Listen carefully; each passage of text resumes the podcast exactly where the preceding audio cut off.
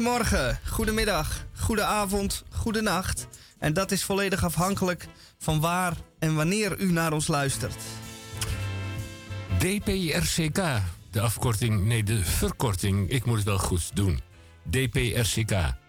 De verkorting van Radio Dieprik wordt vandaag gemaakt door de 3K en ik kom daar zo dadelijk op terug.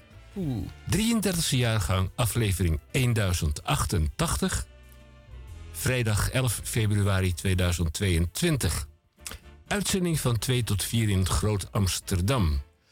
FM 106.8, kabel 103.3 en natuurlijk achteruit te luisteren via de podcast van salto.nl. En ik kom daar zo dadelijk ook nog wel een keertje op terug, want we hadden vorige week iets feestelijks te vieren.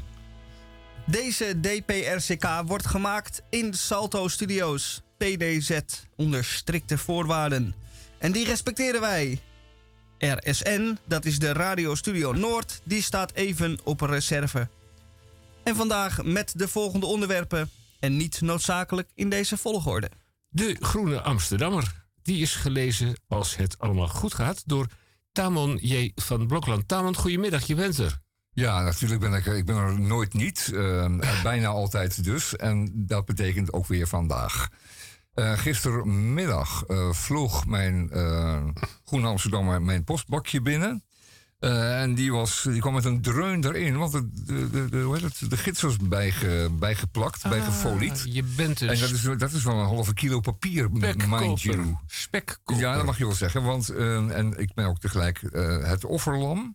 Want de gids gaat deze week geheel over het offeren. Het offeren van het offer. Wat is nou een offer en wat is offeren? Um, er staan een paar hele hartenswaardige dingen in de gids deze week. Ga ik straks vertellen. Goed Amsterdam eveneens. Um, een stuk over de huisartsen die uh, verdwijnen uit de regio. Hebben we het vorige keer al, de vorige keer run al over gehad. En dan een heel aardig stuk over, ja, over de groene. Uh, in de jaren 30, 40 en 50. Um, de Groene was, uh, weet je misschien niet, maar dat was echt een, een, een knijterlinks weekblad. Uh, met een aantal mensen uit de Communistische Partij in de redactie en in de directie. En uh, alleen, uh, alleen hele linkse mensen van keurige origine die lazen het blad. Het is veel minder literair, maar veel meer politiek natuurlijk. En, en als zodanig was het natuurlijk een onderwerp van, van zorg voor BVD, CIA en KGB gedrieën. Dus daar vertel ik nog straks iets over. Het is een veelzijdig uh, nummer naar ja, dat ja, maar ja, dan heeft Hendrik Haan ook nog u. Ja. De stille revolutie, de opmars van vrouwen in het bedrijfsleven... en, en waarom ah, ja, de corona pas in de ijskast moet. Ja, ook boeiend. Het ongemak rond ons Indië. De feiten over het gewelddadige einde van de kolonie. Dat allemaal in EW Weekblad. Ja, ja natuurlijk allemaal naar aanleiding van de Bersiap uh, tentoonstelling die morgen opent in het Rijksmuseum en die vandaag een voorpremière kent. Alleen voor de vrienden natuurlijk. En jij gaat er naartoe? Ik was er naartoe. Jij bent... Ja, ja, ik ben geweest vanmorgen. Je bent geweest. Ja. De D7M, of is het WUHN? WUHN, daar komt dat virus toch vandaan? WUHN, uh, Wuhan. Uh, Wuhan, ja. ja. Weet u het nog van vroeger, de column van Misha Gorgi? Hoeveel woorden zijn er dat deze week? Dat zijn er deze week 583. Kanon, Dat is toch wel even dat de moeite waard. Nou, dat is geen katten. Ja, ja, laat u verrassen door Misha met 583 woorden. Krompraat onder redactie van mevrouw de weduwe D. den Denderen Edelenbosch met SCH, zeg maar Dora. En dan kom ik even terug op de EHBK van de vorige week. Meester Boon in het tweede uur van Dieperik vorige week. Een programma-onderdeel om naar uit te zien, zei ik al vorige week. En daar heeft u zeker naar geluisterd. Want het was uh, meer dan 25 jaar dat hij gewerkt heeft bij het restaurant De Peulvrucht. Hij is tien jaar aan boord van Dieperik en natuurlijk ook aan boord van Radio Minerva. 500 recepten. En u werd uh, verrast door een zeer bijzondere productie in samenwerking met Misha en met Hendrik Haan. Nou, dat gaat u van zo lang zal zijn leven voorlopig niet uh, vergeten, want dat was een hilarische, hilarische uh, bijeenkomst waarbij meester Boon op overtuigende wijze in zijn uh, koksmutshemdje werd gezet. Juist. Vandaag doet hij het op de normale manier en Ach, u kunt hem gaan beluisteren in het tweede uur. Hij heeft ook nog een ander, uh, andersoortige bijdrage, maar daar loop ik niet al te zeer op vooruit. Zeker. Goed. Overigens zenden wij uit volgens het protocol van de Canarie in de kolenmijn. Oh ja, dat is ook een leuke. Daar zal ik het nog even over hebben. De kanarie in de kolenmijn? Ja, ja, ja. ja. ja. Dat staat in de gids een stuk over. Ah, nou kijk, we zijn ja, we weer... Ja, ja over, over die bijzondere kanarie. Onbedoeld actueel. Ja, ja Wat fijn. zomaar. Onbedoeld zomaar. actueel. We hebben toch nee, nee, dagenlang hebben we zitten vergaderen over... Oh. Ja, zeker. Hoe gaat Dieperik 1000... Drank, uh, drank doordrenkte redactievergaderingen waren dat. Ja. ja. Velen. Goed. Maar goed, de kanarie dus. Sorry, ik viel in nee, dat is goed. val je helemaal stil. Begin maar Sorry, opnieuw. Sorry. Dat is dan voor uh, zo dadelijk. En dan verwachten wij u dat wij met ons uh, programma... dat u daarmee aan uw trekken komt. En aan ons uh, dopamine, oxytocine en aspartaamgehalte zal het zeker niet liggen. Maar bij die prik... Eerst maar even dit. We hebben een liedje van twee mensen die zich niet kunnen uiten. Dat is ook verschrikkelijk. Het gaat zo. Ze lagen.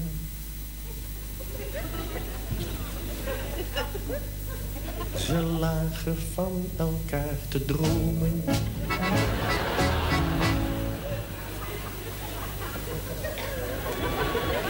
Maar kilometers van elkaar.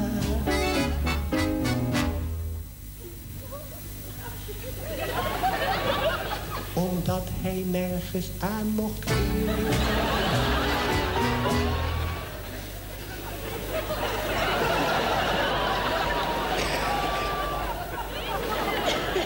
Niet aan haar huid, niet aan haar haar. Daarvoor was zij te ingetogen. En daarvoor was hij veel te net.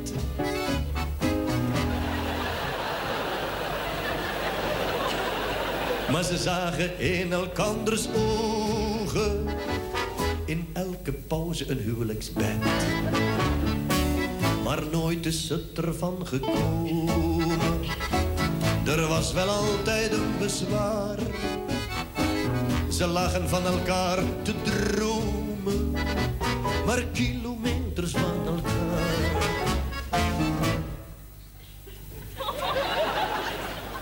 Zij liet zich nooit eens lekker pakken. En hij vond zoenen niet steriel. Nu zijn het twee verwrongen wrakken. Zij met die eeuwige slemiel. Neem dit gebeuren toch ter harte.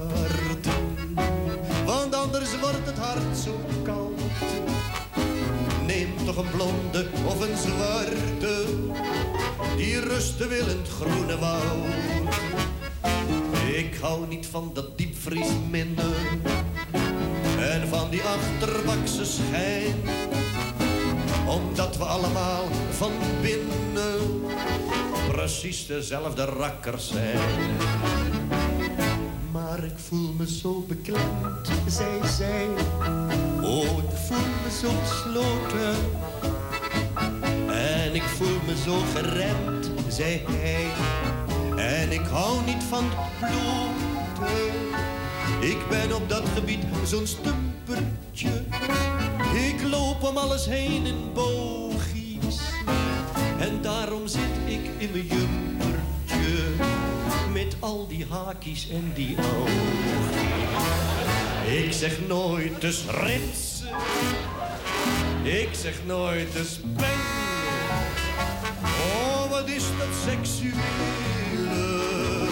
Toch verschrikkelijk eng.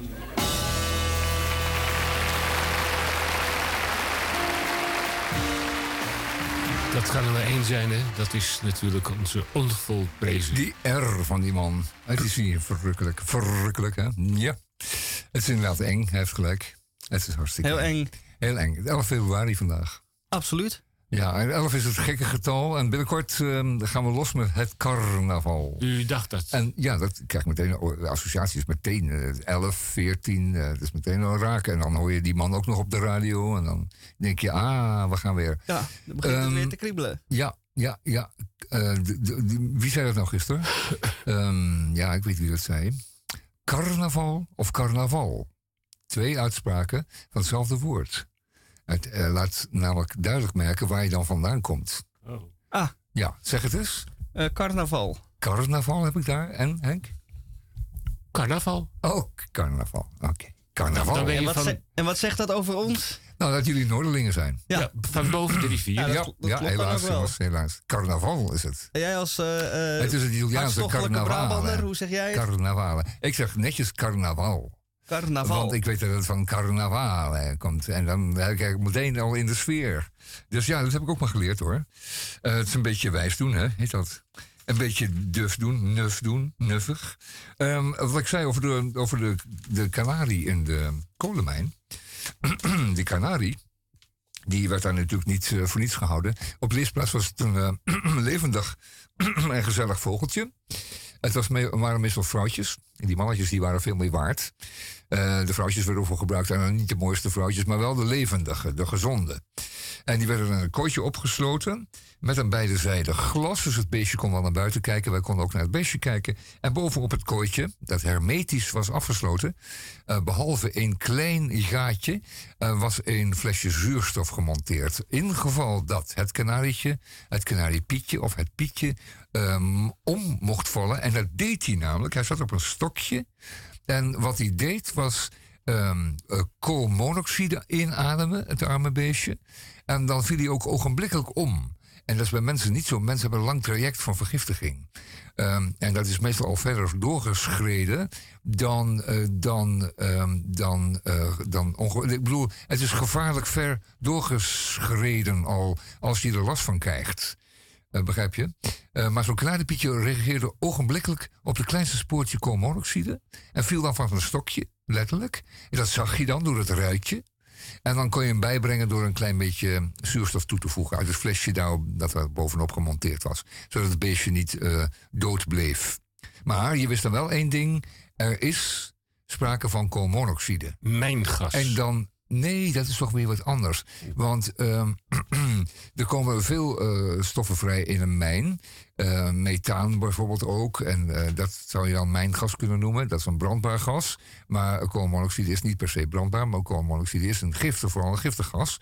En ehm, dan moet er ogenblikkelijk worden geventileerd. Of moet men wegwezen. Ja, ja, of er moet, eh, er moet geforceerd geventileerd worden. En ehm koolmonoxide is daarom zo gevaarlijk omdat het ehm, zwaarder is dan lucht. Het blijft dus op de vloer liggen. En ehm, alleen mensen die bij de, dicht bij de vloer werken hebben daar last van. Maar dat merk je te lang, te lang dat merk je te laat. En daar is het vogeltje voor. Dat was echt eh, een voortreffelijk eh, detectieapparaat Maar voor deze mensen. heb je ook een eh kanarie in de kolenmijn kijker nodig. Iemand die voortdurend de kanarie in de gaten houdt. Nou, dat beestje dat wilde nog wel eens een beetje speels hippen op dat takje en wilde ook fluiten. Dus Oh, iedereen ja. had zo'n beetje zo'n half oortje over voor het kanariepietje. Dus het fluiten onder het was, gedreun, ja, eh, onder het gedreun van die persluchthamers door. Hoorde ze dan vertellen dat pietje. En als je dat niet meer hoorde, dan was het foute boel. Dan ging iemand kijken. Of iemand viel dat meteen op. En dan was het, eh, het toeteren geblazen en wegwezen. Ah, fijn. De kanarie dus. Wordt niet meer gebruikt, want er zijn natuurlijk allemaal sensoren tegenwoordig. Uh, koolmonoxide sensoren. Maar ja, wat is, was het aardig, zo'n vogeltje. hè? Toch? En het werkt ook als de, het werkt ook als de P. En je kon hem eindeloos opnieuw gebruiken, want dan deed je gewoon wat zuurstof erbij en dan, eh, dan piepte hij weer. Goed, voor zover dat, voor zover de kanarie. Ja. Ja. Eh, overigens is dat niet van een hele lange datum hoor, want eh, er wordt nog niet zo lang in een mijn gewerkt met een vogeltje. Je moet bedenken dat pas aan het einde van de 19e eeuw die, die rijke koolstoflagen, die, die kool, die lage steenkool werden ontdekt. En toen kwam pas de, de, de, de steenkoolproductie op grote schaal op. En, dus dat is nog niet zo'n oud fenomeen. Het was ook weer snel uitgestorven, want tenslotte is die hele koolproductie, die steenkoolproductie in de 50, 60 jaren al helemaal weer afgebouwd. Dus het is voorbij. Hier en daar nog in achterlijke landen zoals Po- Polen en, eh, en, eh, en dergelijke. Verenigde Staten heb je nog wel. Kolenmijnen, nee, Verenigde Staten niet. ehm, dat is ook allemaal dagbouw, maar kolenmijnen. In de Donbass, in de, in de Oekraïne. Dat is nog wel in de kolenmijn gaan. Goed, voor zover de kolenmijn. Ehm, we draaien nog wat muziek en dan ga ik straks even de Groene Amsterdammer eh, voor u even doornemen. Daar heeft u recht op. Kijk. Jongens, let op.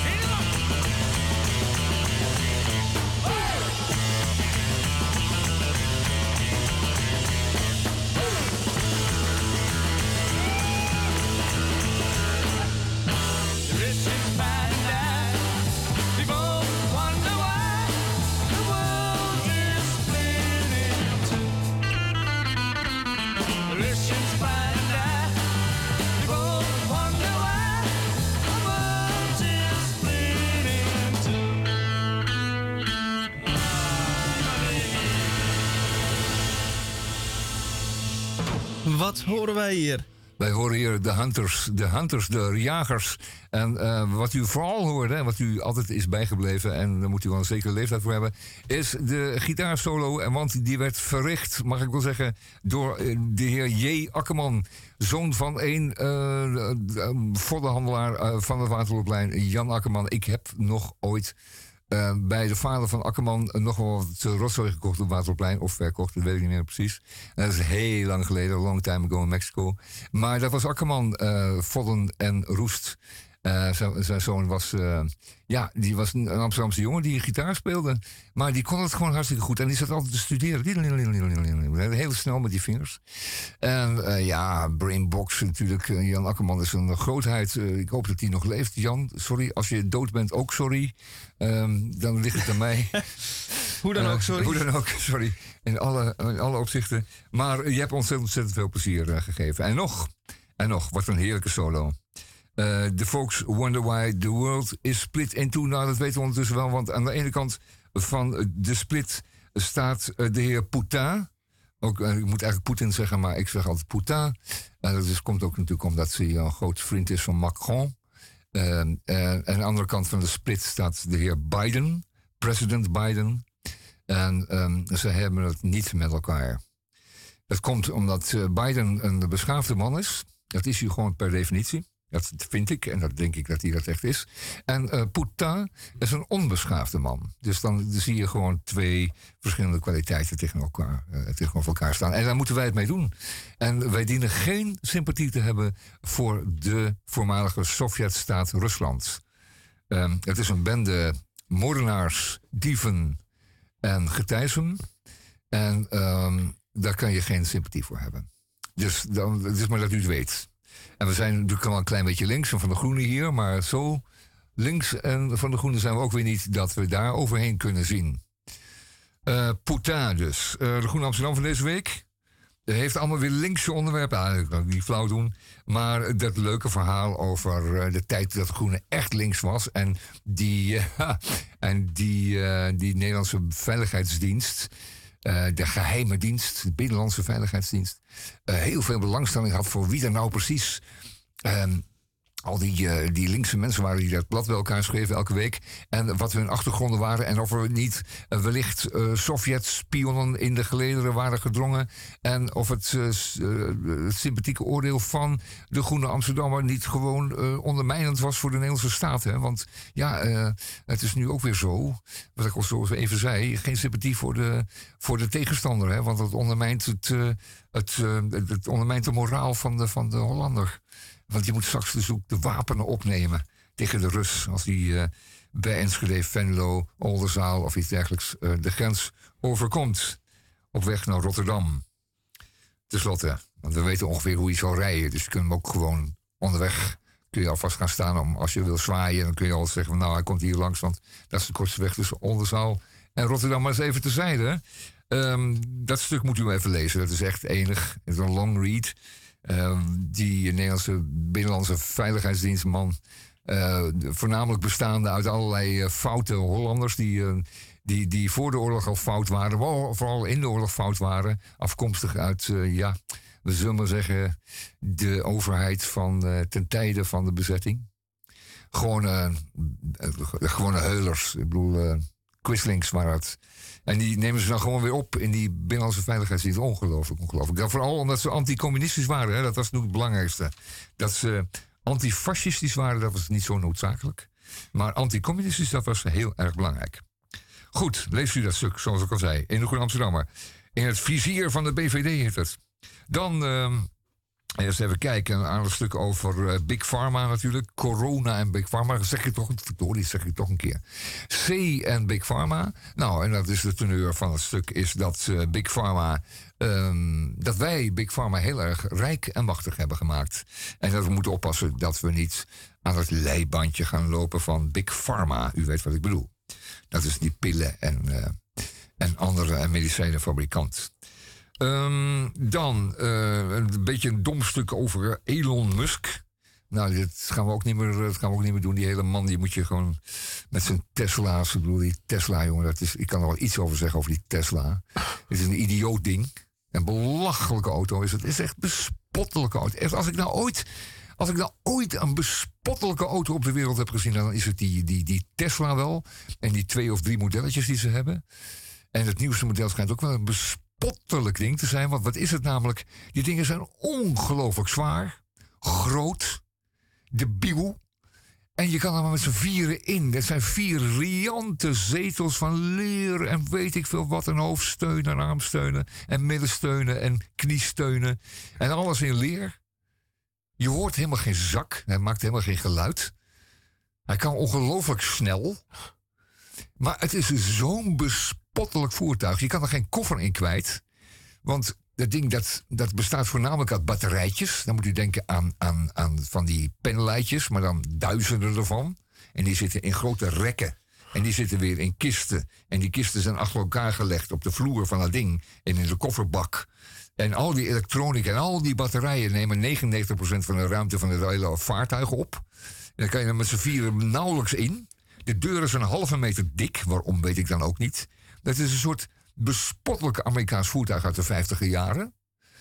Met alle chroom en vinnen die daar toen bij hoorden. En dat dan in een, in een, in een vierpersoons R4'tje gepropt. Want meer ruimte dan in een R4 heb je gewoon niet in die Tesla.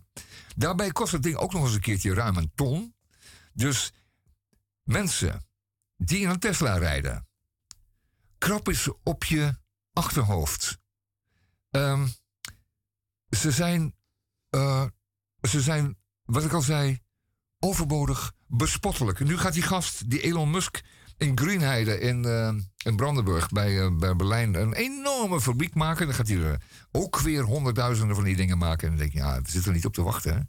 Waarop wij op zitten wachten, dat is een, een De Chevaux met batterijen of een R4 met batterijen. Daar zitten wij op te wachten. Licht, goedkoop, eh, betaalbaar, ehm, eh, recyclebaar, eh, eenvoudig te onderhouden, enzovoort, enzovoort. En dat is die Tesla dus in alle opzichten niet. Nou, we hebben genoeg gezegd over die, over die K-Tesla's. Eh, dat ze allemaal in de grond mogen zakken. Goed, volgende. Ehm, eens even kijken. Oh ja, dokters verzocht, daar moet ik iets over zeggen. dokters gezocht. Als je, als je afhankelijk bent van een dokter, een arts.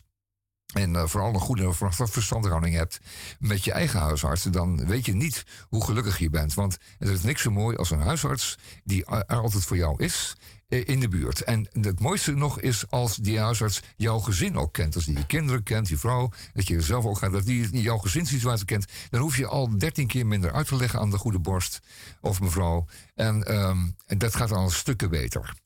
Dan ehm, eh, heb je zo'n huisarts vaak je hele leven. Of een groot deel daarvan. Mits eh, de man ook zelf, de vrouw ook eh, zelf jong is. Dan kun je gewoon met elkaar oud worden als het ware. En ook mocht de euthanasievraag of de impotentievraag uh, te zijn tijd opkomen. Dan is het ook iets wat voor de huisarts geldt. Dus dat komt dan mooi uit. Vind ik dan. En dan kun je samen afscheid nemen van het leven en van het bestaan. Dat is de allermooiste situatie die bestaat. Die bestaat echter niet meer, want dit soort artsen zijn er blijkbaar niet meer. Want die willen nu allemaal graag uh, niet allemaal meer vijf dagen, een keer twaalf uur werken. Ze willen graag uh, korter werken. Er zijn veel vrouwen bij, die kunnen niet, want die hebben al gezinnen. En um, zo wordt het allemaal versnipperd. En wat er ook tegelijkertijd gebruikt, gebeurt, is dat er heel veel huisartsen, zoals ik zei, met pensioen gaan verdwenen. En uh, dat betekent dat er eigenlijk tekort is aan huisartsen in Nederland. En uh, dat levert weer mogelijkheden op voor bepaalde bedrijven. En wat doen die bedrijven? Die kopen die huisartspraktijken op. En die zetten daar videoartsen in. En uh, leveren op die manier medische diensten. Dus we moeten aan wennen dat dit tijdperk voorbij is. Jammer, jammer, jammer, jammer, jammer. echt jammer. Denkt u, en als u nog een huisarts heeft in de buurt. Um, uh, geef hem eens een lekkere knuffel als die mag, want uh, u, uh, u bent daar blij mee.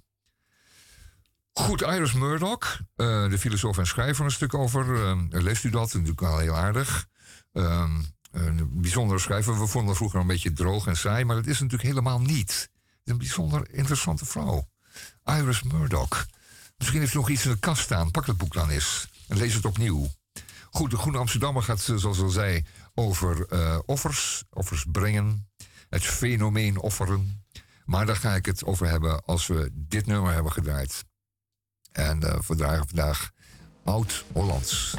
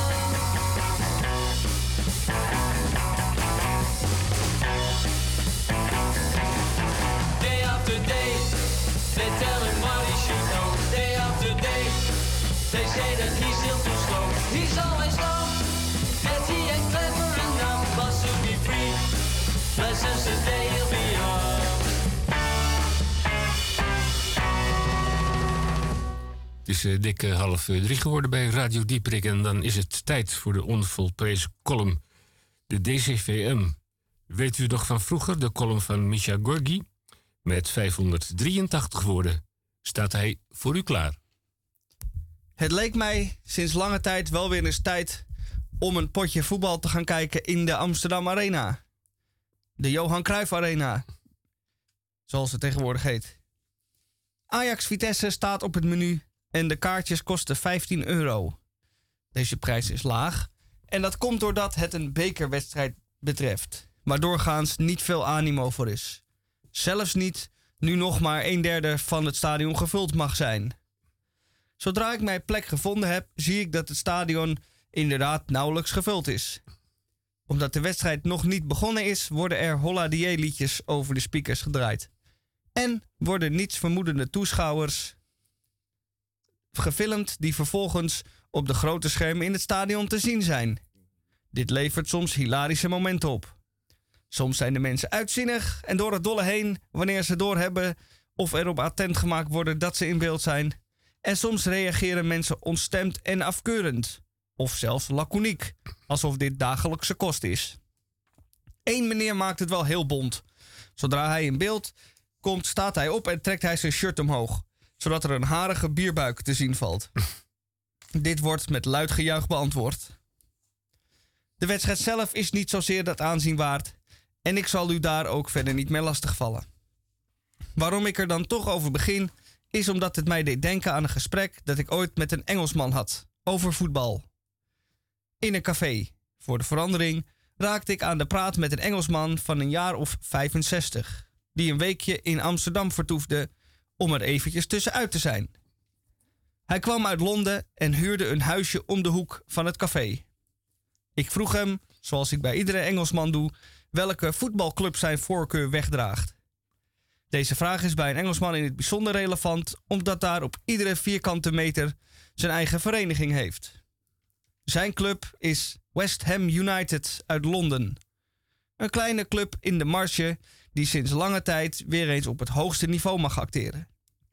Bevlogen vertelt hij over hoe hij er met name in de jaren 70 en 80 als kind vaak te vinden was en prachtige momenten heeft meegemaakt. Hij noemde wat namen van legendarische oud-spelers, wat ik nog nooit van gehoord had, en beschrijft de acties en de doelpunten tot in detail alsof het gisteren gebeurde. Ook kon hij zijn allereerste wedstrijd nog herinneren. Als klein jongetje ging hij met zijn vader mee naar het stadion. Daar werd de wedstrijd West Ham Arsenal gespeeld. Een echte stadsderby waar de nodige haat en nijd en fanatisme aan te pas komt. Hij keek zijn ogen uit en die wedstrijd werd gewonnen door West Ham. Thuis heeft hij nog het programmaboekje van die wedstrijd liggen en deze koestert hij. En nu dat zijn clubje weer op het hoogste niveau mag spelen, zit er binnenkort dus weer een nieuwe confrontatie met Arsenal aan te komen. Hier ga ik heen, zegt de Engelsman. Dat is dan precies 53 jaar geleden dat ik er voor het eerst met mijn vader was. Terwijl hij dit zegt, wordt hij een beetje emotioneel. Ik weet niet of dit door de drank komt, maar hij pinkt een traantje weg. Zo zie je maar hoe het leeft in Engeland, dat voetbal. Als ik een paar dagen later na dit gesprek thuis op de bank zit en per toeval de voetbalslagen uit Engeland van die dag voorbij zie komen, valt mijn oog op de wedstrijd West Ham Arsenal. Uitslag 2-1. Net als 53 jaar geleden.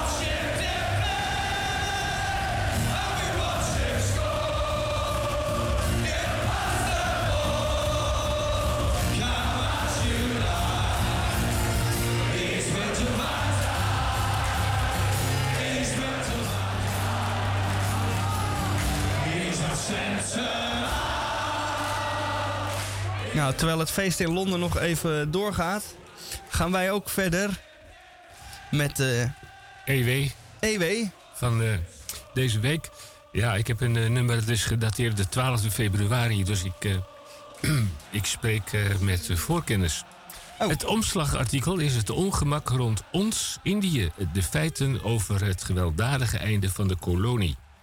Martin Bossenbroek heeft een indrukwekkend artikel geschreven.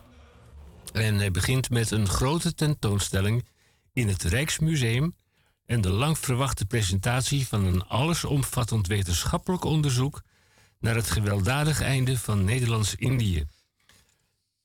Hij besluit met een conclusie. Er dreigt explosiegevaren in het mijnenveld van onze koloniale geschiedenis. Het is een publiek geheim dat zich richting een richtingenstrijd af heeft afgespeeld.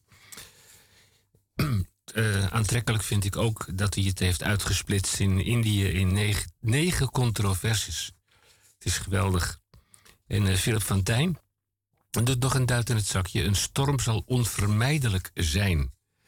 Dat over voormalig Nederlands-Indië. Erik Vrijzen die eh, legt Wopke Hoekstra heeft, legt die langs de meetplat. CDA-leider Wopke Hoekstra claimde buitenlandse zaken meteen voor zichzelf. En een beetje onwennig zit hij nu opgescheept met de Oekraïne-crisis. Ja, ik eh, weet het niet hoor. Of die man nou wel op de goede plaats zit. nou ja, dat hoeft ook niet. Hoeft ook, oh, je hoeft ook niet, Henk. Hoeft Nee. ook niet. Volt-leider Laurens Dassen en de VVD'er Silvio Erkens op werkbezoek bij de romantische kerncentrale. Een nuttige les in valkuilen. Want eh, wat eh, willen ze nou in Frankrijk? Eh, ze willen er een handvol van bouwen. We kunnen de feiten geven, zorgen serieus nemen en open zijn over onzekerheid. En als we er twee bouwen, heb je al een vijfde van de Nederlandse bevolking. Het is een indrukwekkend artikel. Ik zou het zeker even doen. Engels Een als vijfde van de Nederlandse bevolking.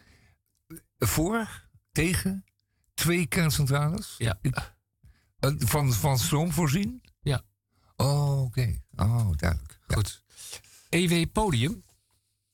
Dat is, eh, die publiceert opinies van jonge schrijvers die vanuit eigen onderzoek, expertises of werkervaring bijdragen aan het debat.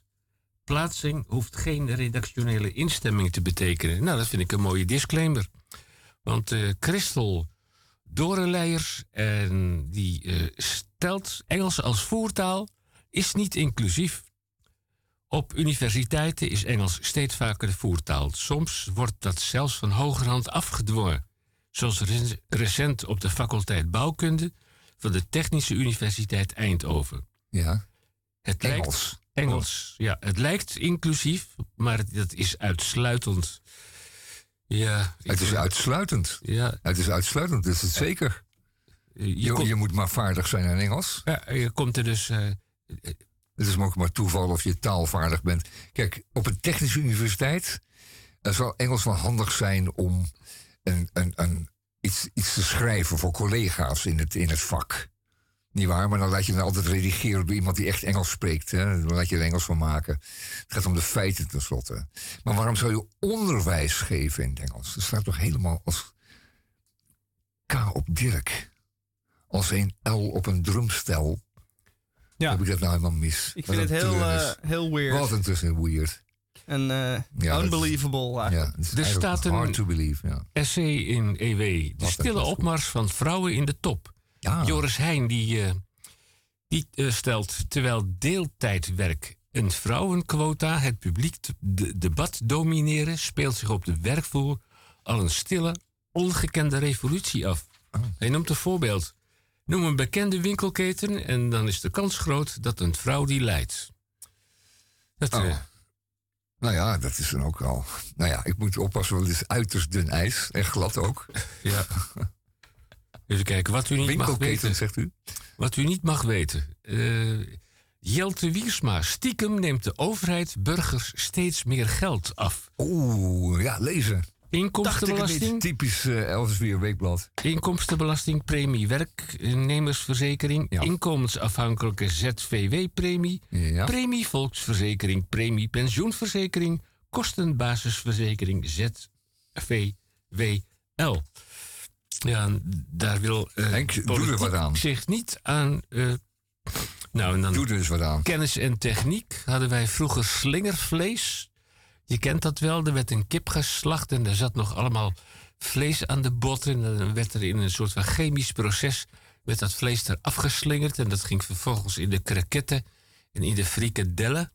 En een Nou, Mark niet bedacht een techniek waar. om het rauwe vlees uit kleine krabben te halen. Er zit veel krab in zoet en zoutwater die op dit moment weinig marktwaarde heeft. Bijvoorbeeld de strandkrabben, kleine Noordzeekrabben en de Chinese wolhandkrab.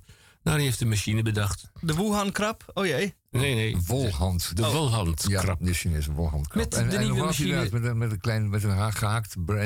Ja, met een nieuwe machine is het mogelijk om het rauwe vlees razendsnel uit deze krabben te halen. Het vlees kan worden gebruikt door koks of door de voedingsfabrikanten. Ik wil het, Nou, eh, fantastisch nieuws. Is iets voor, eh, voor eh, onze ik wil het hierbij laten.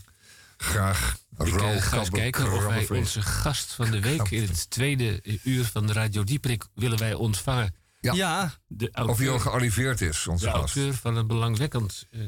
Ja, en we draaien even wat muziek, jongens. En ook weer Oud-Hollands. ja, ik ga wel zondigen. Want het Wat? is niet 1966, maar helaas 1965. Kanonnen. Oh, het kan echt niet. Maar wel Hollands.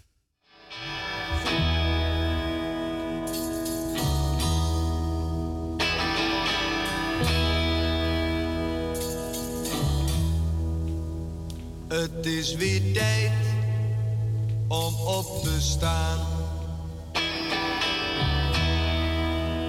Maar ik heb geen zin. Hij heeft geen zin om naar mijn baas te gaan. Met mijn blote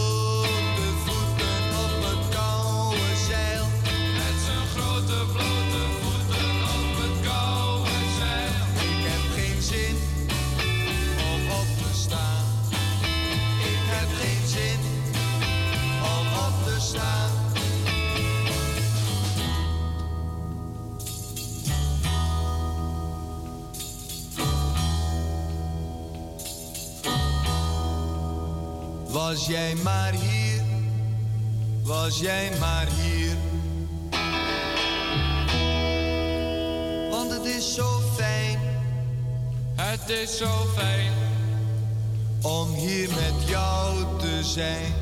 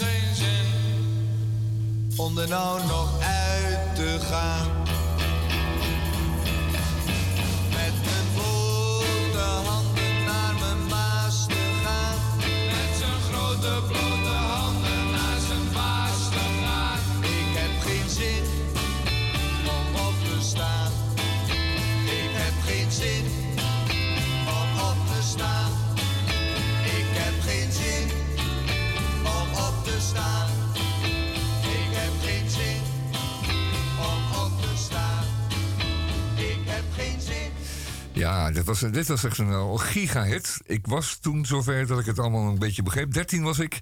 En ik zong het natuurlijk met alle jongetjes op straat mee. En eh, het was een, echt een super, super wereld. Het werd aangehaald en, en weet ik veel, geciteerd. En uh, er grappen over gemaakt. In ieder geval, ik heb geen zin om op te staan. Wat een, een, lullig nummer. Groep Het. De groep heette Het. Het heette de groep. En volgens mij een gelegenheidsformatie, zoals het heet gelegenheidsformatie. Uh, u weet dat wij zijn, dat zegt de catechismus hè, uit Heidelberg, uit 1563, die zegt dat. Luister. Wij zijn al zo verdorven dat wij ganselijk onbekwaam zijn tot enig goed en geneigd tot alle kwaad. En dat komt in vele varianten voor. Wij zijn dus geneigd tot alle kwaad en uh, zeker niet geneigd tot enig goed. We zijn ook nog een keertje onbekwaam. En dat werd ons ingepeperd. Um, en dat moesten wij ons goed, uh, goed uh, beseffen, moesten wij goed uh, ons, ons realiseren. Want ja, zo waren wij nu eenmaal gemaakt. En, en dan zou ik kunnen zeggen van, maar dat is dan toch onze schuld niet. Wij zijn zo gemaakt. We zijn maar beperkt in onze, ja, dat is de, de, de, de menselijke, het tekort. Maar goed, nu is dat zo. God heeft ons in die hoedanigheid geschapen. En, en toch acht hij het nodig uh, ons alsnog een offer te laten brengen. Om onze schuld te delgen. Want wij hebben daar natuurlijk schuld aan. Dat, zo, zo word je natuurlijk opgevoed. Hè? Je bent niet alleen je bent niet je bent onbekwaam, je bent geneigd tot alle kwaad. En u zult daarvoor schuld. U heeft daar schuld en dat zult u naar wordt gedelgd worden. In feite wil hij een fout herstellen die hij zelf heeft gemaakt. Het project dat hij daartoe optuigt is te onzinnig om serieus te nemen. Bedenkt u dat wel? Hij vaardigt zijn eigen zoon af. Uh, eigenlijk een afsplitsing van hemzelf, hè, de zoon van God. Om als offerlam geslacht te worden. Want dat is natuurlijk ook een soort perversie van, uh, van Hollywood uh, omvang. dat je van tevoren al weet dat het arme kind uh, later gemarteld en vermoord zal worden. Dat weet je van tevoren al. Dat, is net of je een film schrijft, hè? En het is allemaal de film is dat dan niet erg, maar echt. Maar het was dus in het echt was het wel echt. Enfin. Was het niet logischer geweest om een paar mensen, desnoods de halve wereldbevolking, te offeren? God had immers al ervaring met de zondvloed.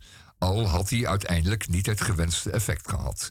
Ten tweede, is het niet raar om aan jezelf te offeren? En tenslotte is het offer van Christus in zoverre onecht dat zowel offeraar als slachtoffer van tevoren wist dat de laatste na zijn dood opnieuw zijn comfortabele positie naast zijn vader zou kunnen innemen. Het is daardoor wel sprake van Unschuldskomödie, want het lam loopt zijn beulen vrijwillig tegemoet. En uh, het lijkt erop dat de christenen, zegt hij, de grondslagen van het offer niet hebben doorzien. Of er halfbewust een spel mee hebben willen spelen. De kruisiging is een vorm van ritueel gesjoemel. Geen wonder dat de gelovigen nog eeuwig doorgegaan zijn met moorden en dat het ook niet aan natuurrampen heeft ontbroken. Als je denkt weg te kunnen komen met het offeren van iemand die toch wel uit de samenleving wilde weren, want Jezus was immers verre van populair. En als dat offer bij voorbaat onschadelijk is voor het slachtoffer, omdat het er alleen maar sterker van wordt, maak je religie tot een farce. Ja, ja, u, u, u bent nog niet overtuigd. Denkt u daar maar eens over na. Ja, ja, ja, ja, ja, ja. Ja, ja, denkt u er maar eens over na. Wat, eh, wat nou echt een offer is. Want daar gaat deze hele gids over. Wat is dan een offer? Is een offer het, het offeren van het allerliefste? Zoals de Grieken dat deden? Het aller, allerliefste. Wat is nou het aller, allerliefste? Is je, je, oudste dochter bijvoorbeeld. Ja, dat is een prachtige, prachtige vrouw. Prachtige, die, heb je, die is nog maagd. Je, je mag er nog uithuwelijken. Het is het liefste wat je bezit. Je, je, je beschermt het tot en met. En en je hebt het bewaard. En dat ga je dan offeren. Kijk eens, goden. Ik wil u mild stemmen. Ik offer mijn mooiste en mijn allerliefste, mijn dochter, aan u, opdat wij ehm, gunstig weer zullen hebben eh, op zee met onze schepen ten einde onze vijand bloedig te verslaan. Dus dan wordt het arme kind wordt geofferd. En uiteindelijk wordt de tegenstander ook eh, nog vermoord. En kortom, ik zou eens een boekje kopen over Griekse mythen en zagen. Want het is één groot bloedbad en het slaat ook nog eens een keertje helemaal nergens op. Want eh, het allerliefste offeren. ehm, om te- ten einde anderen weer te kunnen offeren, dat is wel een beetje mijl op zeven. Ehm, en hebben die Grieken daar nou over nagedacht, vraag je af? Of was het allemaal maar ritueel? Goed, de vraag is dus, eh, zoals de gids stelt, wie offert wat? We gaan eh, nog wat eh, Hollandse oude, oude zooi draaien. En dit wordt, nou, denk maar. Wat was dit ook alweer? Ja, u weet het weer.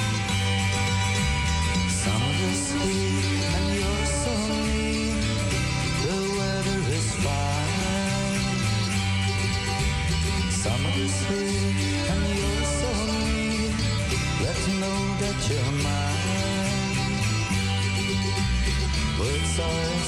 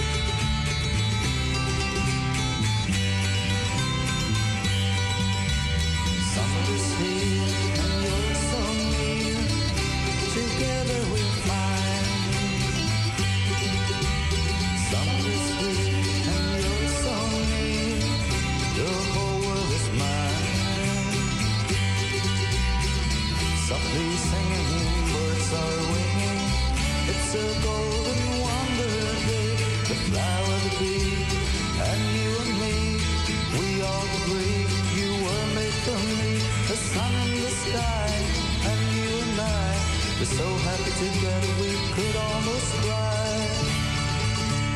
There's no need to hurry, no need to hesitate. We're never too early, we are never too late. There's no need to worry, no need to hesitate. We're so much alike that we don't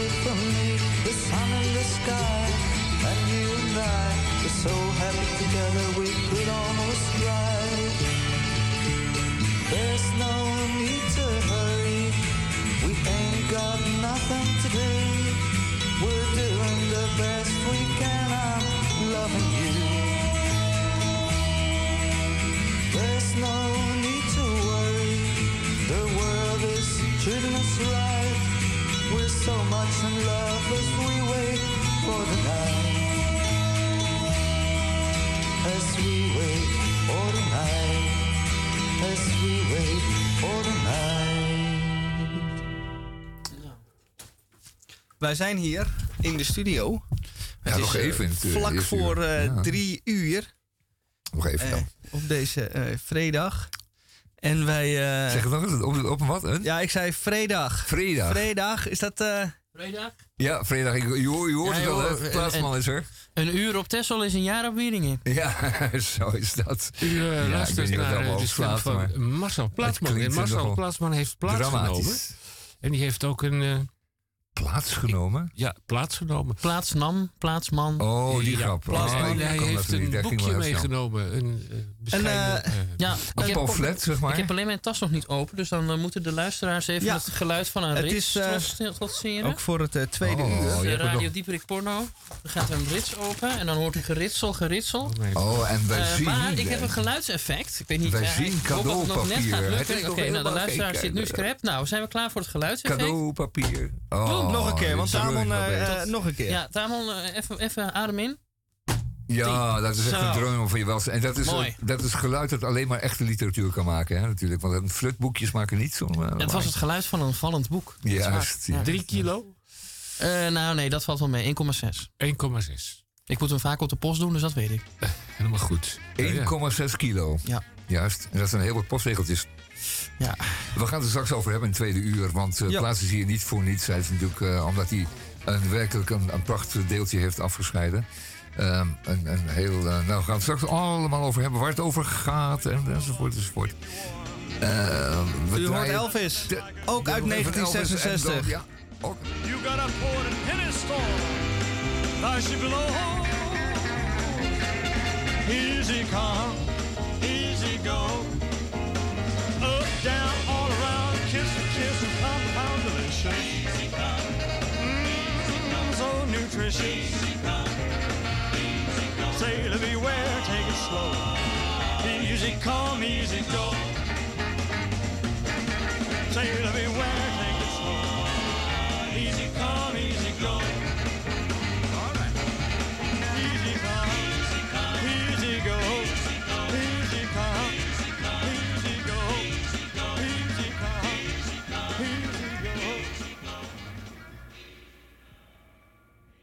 Tot in de tweede uur van Radio Dieprik.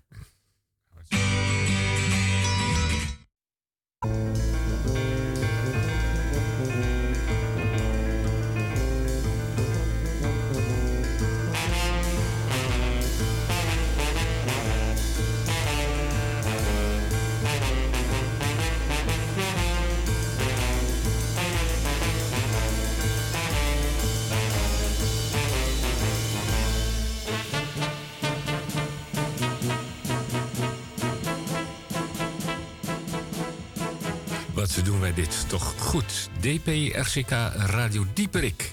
Door de 3K. Ja, Tamon Jeff een Blakland een kreeft. Misha een kreeft. En ondergetekende Hendrik Haan ook een kreeft. Vandaar de 3K. 33e jaargang, aflevering 1688, vrijdag 11 februari. Wij hebben het in belangrijke mate in dit tweede uur over Tessels, een taal over zee. Hoe klinkt Tessels? En waar lijkt het op? Waar komen de Tesselse familienamen vandaan? Wat betekenen de straat- en veldnamen? Wat is er nog bewaard uit de tijd dat er op Tessel Fries gesproken werd?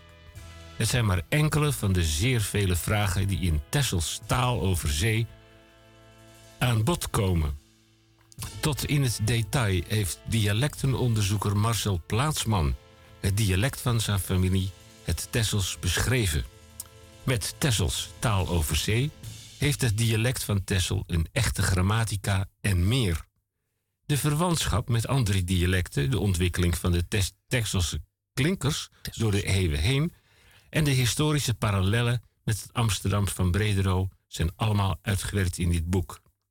Een monument voor Tessel dat in geen enkele eilander boekenkast zou mogen ontbreken.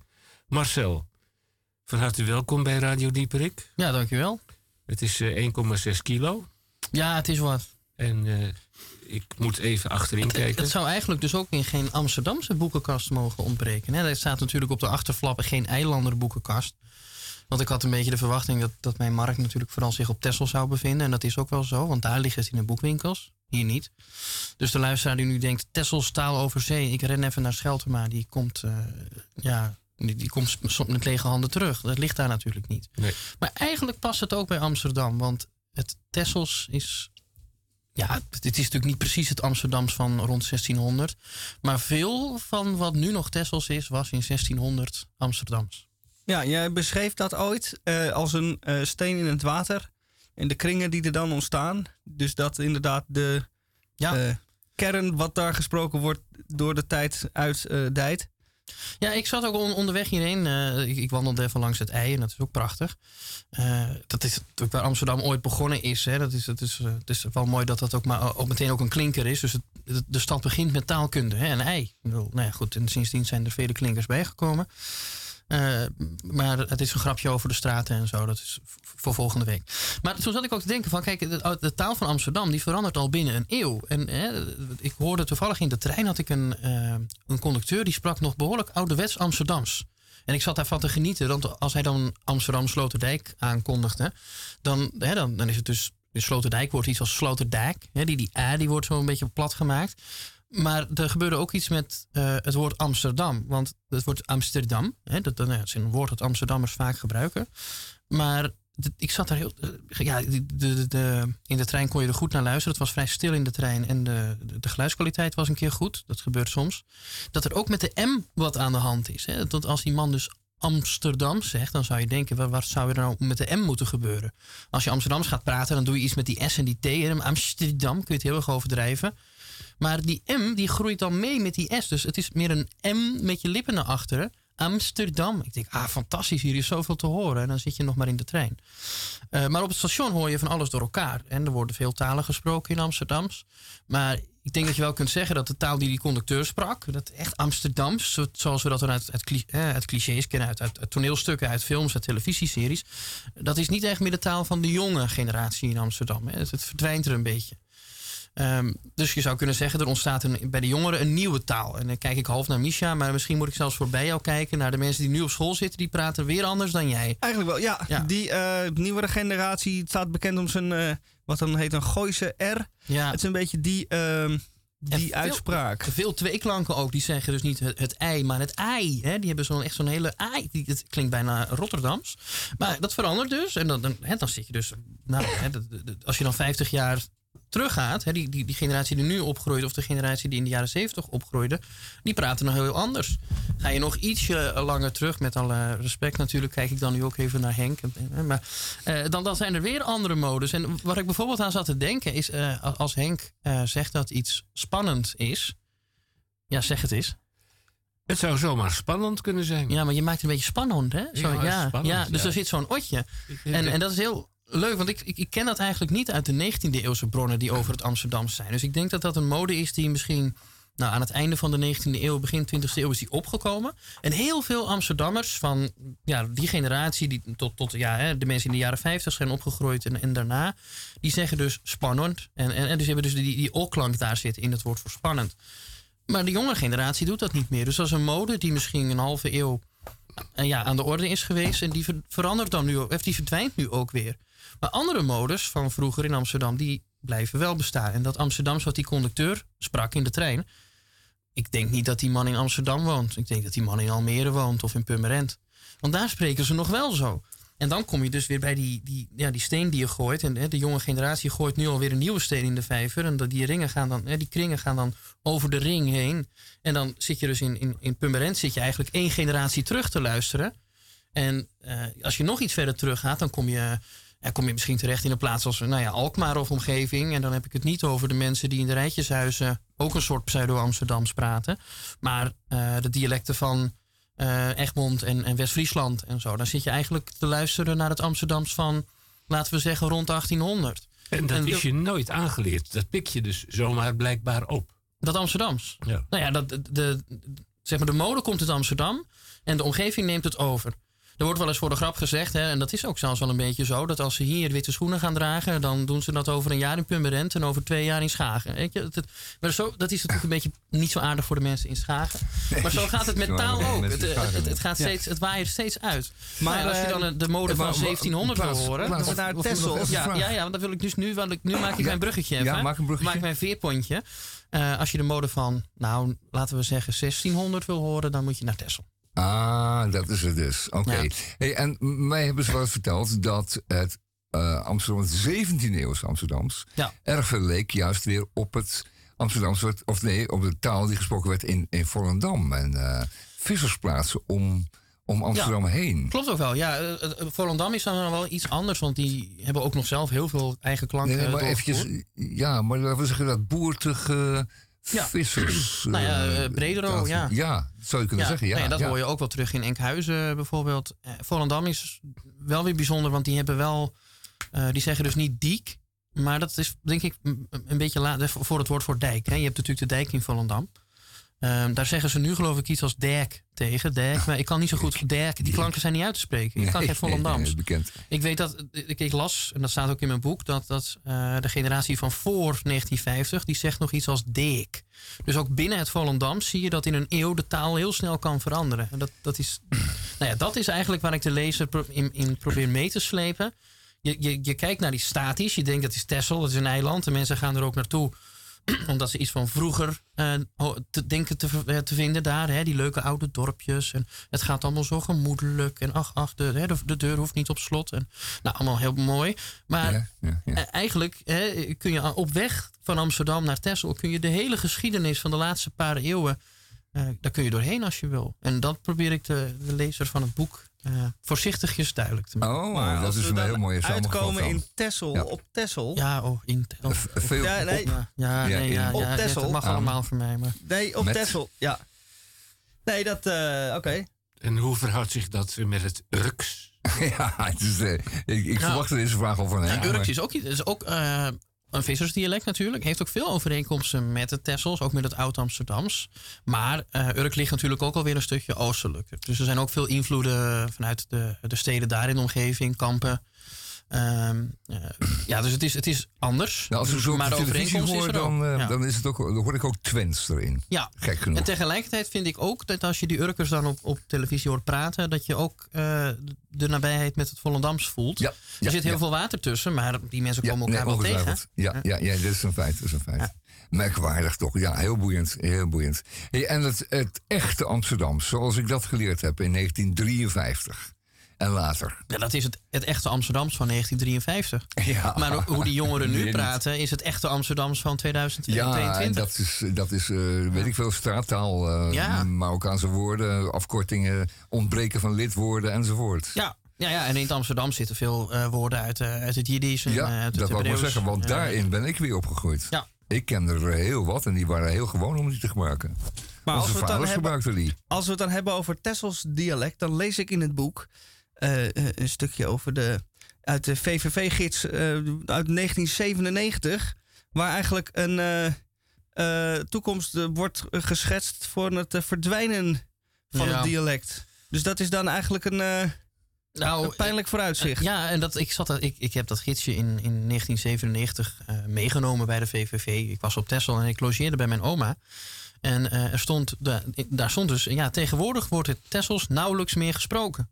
En dan keek ik om me heen en dan zag ik aan de keukentafel allemaal mensen druk met elkaar in de weer. En die praten allemaal Tessels. Dus het wordt soms ook, dat is ook wel interessant om te zien. eh, de, de toeristen moeten er niet te veel van merken. Dus in zo'n VVD-gidsje zeggen ze ook wel van... ah, Tessels, dat is, dat is iets van vroeger. Maar waarom niet? Ja, die schrikken zich wild. Dan kunnen ze de mensen niet verstaan. Oh, Ja.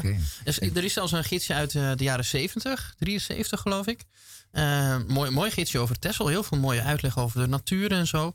En daar staat dan al dat, dat ja, dat Tessels dialect... nou, sommige oude mensen in de buitendorpen hoor je dat nog wel eens spreken. Mhm. Nou, in, in de jaren 70 zat mijn vader op school... en sprak hij met iedereen Tessels. Dus ja, het, eh, het Ja. wordt wel eens wat, wat somberder Het is voorgesteld dan het is. cultuur, blijkbaar, ja. Het hoort er een beetje bij. Eigenlijk Ja, om het ja, te, ja, te ja. beschermen. Ja, nou, ik, ik denk dat ze, dat ze zich er misschien een beetje voor generen. Dat ze het iets Ja, ouderwets ze vinden. schamen zich er gewoon voor. Eh, het leeft op Texel ook wel het, het meest, denk ik, in Oostrent. Eh, het vissersdorp. Ja, hè, dat, dat, het Urk van Texel zou je dan misschien zeggen vanuit het Nederlands perspectief. Hoewel er zijn veel verschillen, maar er zijn ook zeker overeenkomsten. Oostrent is ook, eh, ook een, een dorp met een behoorlijk eh, ja, gereformeerde inslag en zo. Eh, en daar leeft het enorm. Maar het wordt dus ook. Eh, ja, het, het wordt dan een beetje gezien als van nou, dan moeten we die toerist misschien niet te veel mee lastigvallen. Ik hoop dat de Tesselaars die dat denken, dat die door dit boek er anders over gaan denken. Dat ze wat trotser ik- zijn op hun Tessels. Dat ze er groos op bennen. En als ik eh, op zondag Ja. ter kerke ga, Ja. wordt daar dan nog Tessels gesproken? Eh, Nee, nee. Nee, nee, dit- die dominee zal alles dienst. aan doen om keurig Nederlands te spreken. Ja, Ja. dat weet ik wel zeker. Ja. Ja. Juist bij, bij uitstek, dat zijn altijd de schoolmeesters van de parochie geweest, of van de gemeente geweest. En ehm, het, het, ABN is natuurlijk ook iets om naar te streven, hè, laten we wel wezen. als je nog eens wat wil in de wereld, dan Ja, is het toch wel nou de ja. eerste eh, je accent kwijtraken. En dan probeer je om je Nederlands in ieder geval zo netjes mogelijk uit te spreken, zodat je je niet onderscheidt in ongunstige zin van de concurrentie. Nou, maar Tessels is ABN. Alleen dan is het het ABN van een paar eeuwen terug. Ja, Maar, zo u wilt. Eh, Maar zo, zo, zoals die Tesselaars klinken. eh, Ja. Dat vonden ze in, in, in- dat wordt ook in mijn boek eh, haal ik eh, de, die bronnen aan. Mensen die dan in de 18e eeuw of ook in de begin 19e eeuw naar Texel komen, die zeggen: ach, die mensen die praten hier keurig. Die praten heel duidelijk. Het is heel goed Hollands wat die mensen praten. En dat, nu vinden we dat dialect, maar op dat moment, ja, het was natuurlijk niet, er was nog geen radio of televisie. Dus hoe je het uitsprak maakte niet heel veel uit. Of je nou tijd voor tijd zei of, of tijd. Hè, dat, dat- al die varianten bestonden toen al. Dat maakte niet zo vreselijk veel uit. eh, als je maar duidelijk was. En een uitspraak tijd voor tijd eh, was heel algemeen. Eh, in heel veel steden hoorde je dat. In de, in de Friese steden was dat ook een hele gewone uitspraak. Ja, het nou, Stadsfries. ja. Nu noemen we dat Stadsfries en wordt het gezien als het dialect van de, beetje de, ja, de, de volkswijken van de Friese steden. Maar in, zeg maar rond 1800 was dat de taal die iedere Fries die een beetje netjes wilde klinken sprak. En die sprak dan misschien thuis al Fries. Eh, ik, ik haal dat, ook- dat zeg ik ook in mijn boek. hè, Zo'n Friese boer, als hij een paard wilde verkopen op de markt, dan ging hij van huis met een hinder. Want dat is het Friese woord voor paard. Maar ja, dan heb je niks aan als je op de markt komt. Want iemand van buiten Friesland weet niet wat een hinder is. Dus dan ging hij naar de markt en dan verkocht hij een peert. Maar die uitspraak peert, en dat komt ook echt terug in bronnen uit die tijd, daarvan schreven ze ook zelf, dat is netjes. Ja, er zijn ook mensen die paard zeggen, maar dat vinden wij eigenlijk niet netjes. Je moet peert zeggen. Dus in die tijd vond men dat netjes. Oké, Dat was en, ABN. En, en de teleurgang in zijn algemeenheid van het dialect in Nederland komt door dat men het ABN heeft gekozen om als standaard. Toch? En dat is wel. Ja, nou ja, men richt zich op de taal van de steden. Menig eh, tv-ster zal er alles aan doen om het laatste kleine beetje Twents uit zijn, stem te krijgen. Of, eh, of limbo of whatever. Maar zou een Amsterdammer dat doen ook? Wil- wil- Nee, dat is- een Amsterdammer niet. Die is zo Nee. arrogant dat hij denkt dat dat, Ja. dat, dat de ABN is. Ja, dus dat- dan kom je toch weer bij die, die steen in die vijver. Het midden, het midden ja, van ja. de vijver, daar willen alle eendjes naartoe, want daar kwaken ze het mooist. En hoe ze Oh. daar precies kwaken, dat maakt eigenlijk niet uit. Al kwaken ze Haags of Amsterdams, dat, dat kan heus op televisie. In de politiek mag het wel, hè? Die mevrouw van de BBB. Ja, maar dat, is natuurlijk, dat hoort ook net bij haar verhaal. Dus hij ja, komt precies. ook voor is het platteland. pose, die hoort erbij. Ja. Eh, Femke Halsma komt volgens mij ook eigenlijk uit het oosten des lands. En dat hoor je niet. En Sharon Dijksma, dan hoor je dat ook niet aan. Maar die mevrouw van de BBB, die koestert haar Ja, taalgebruik omdat het bij haar past. ja tuurlijk. Ja, dus het, is ook, het kan ook identiteit uitstralen. Ja, het hoort er wel bij. Femke Halsema zal het zo in algemeen beschaafd Nederlands doen, omdat dat beter bij haar past. Ja, en dan zie je ook dat Femke Halsema voor een variant van dat standaard Nederlands kiest, die wat, ja, wat nieuwer is. Dus zij heeft inderdaad zo'n zo'n Gooise R. eh, waarvan ze ook wel eens zegt van ja, dat vind, vind ik misschien wel een beetje slordig van mezelf. Dat heeft, heeft- heeft ze in interviews wel eens gezegd. Maar ze doet het toch. En dat doet ze heel goed, want ze past zich aan aan wat in haar omgeving dominant is. Dus ze heeft groot gelijk. Alleen ja, of het nou mooi is, ja, dat is natuurlijk. Dat is, een, dat is niet een vraag voor de taalkundige. Is het maar- nu eh tiet voor een eh, Ja, het is tiet. lied? Voor een liedje. Of een liedje? lied. Ja, dat is mooi, hè? Een lied. En als je het dan verkleint, liedje. Dan wordt die lange klinker weer kort. Ah, weer maar kort, een ja. lied, tiet voor een lied. Het, het, het riemt mooi. Ja, tiet voor Ja. een lied. Nou, Brief uit eh Ierland. een brief uit Heijerland. Ja, Ja. zal ik daar nog iets over zeggen? Zie- eh, eh, ja, want dat is, als de luisteraar op het puntje van zijn stoel zit en de Tessels verstaat, dan hoort hij hier ook nog dat, dat zelfs op Tessel heb je dus het, het midden van de vijver en het stukje waar je eigenlijk niet wil zitten. En Eierland, daar wil je eigenlijk niet zitten. Dat is een uithoek. En dat eh, komt ook in, in deze brief af en toe naar voren. Nou ja.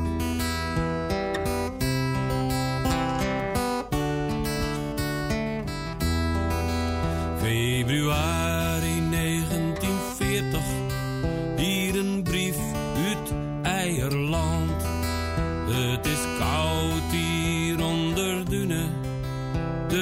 kamer stuurt het zand. Die paar buren bennen wel aardig, maar toch aars en ook wat stil.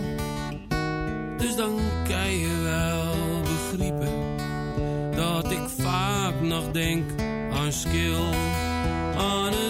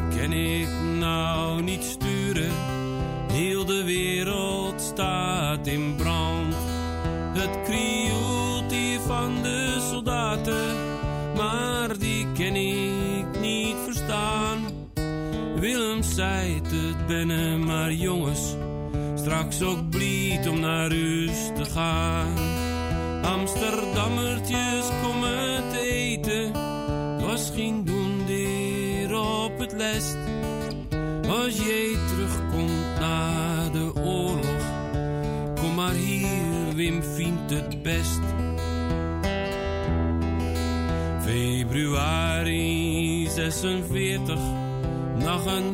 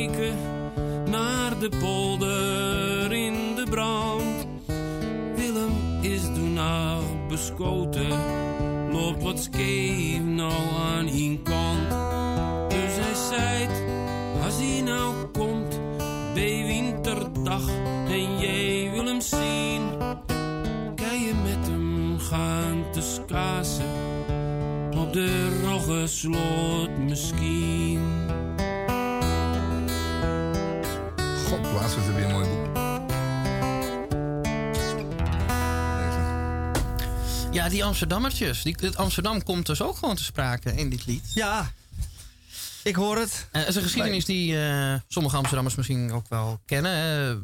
Uh, al dan niet uit eigen ervaring, dat zullen er steeds minder zijn. Maar eh, ja, in de, de Tweede Wereldoorlog was hier natuurlijk honger. Eh, er was geen eten en ook geen brandstof. Eh, en de kinderen die, ja, die het, met wie het niet zo goed ging, hè, de bleekneuzies, eh, die werden dan naar het platteland gestuurd, omdat daar eten was. En Texel was een van die gebieden.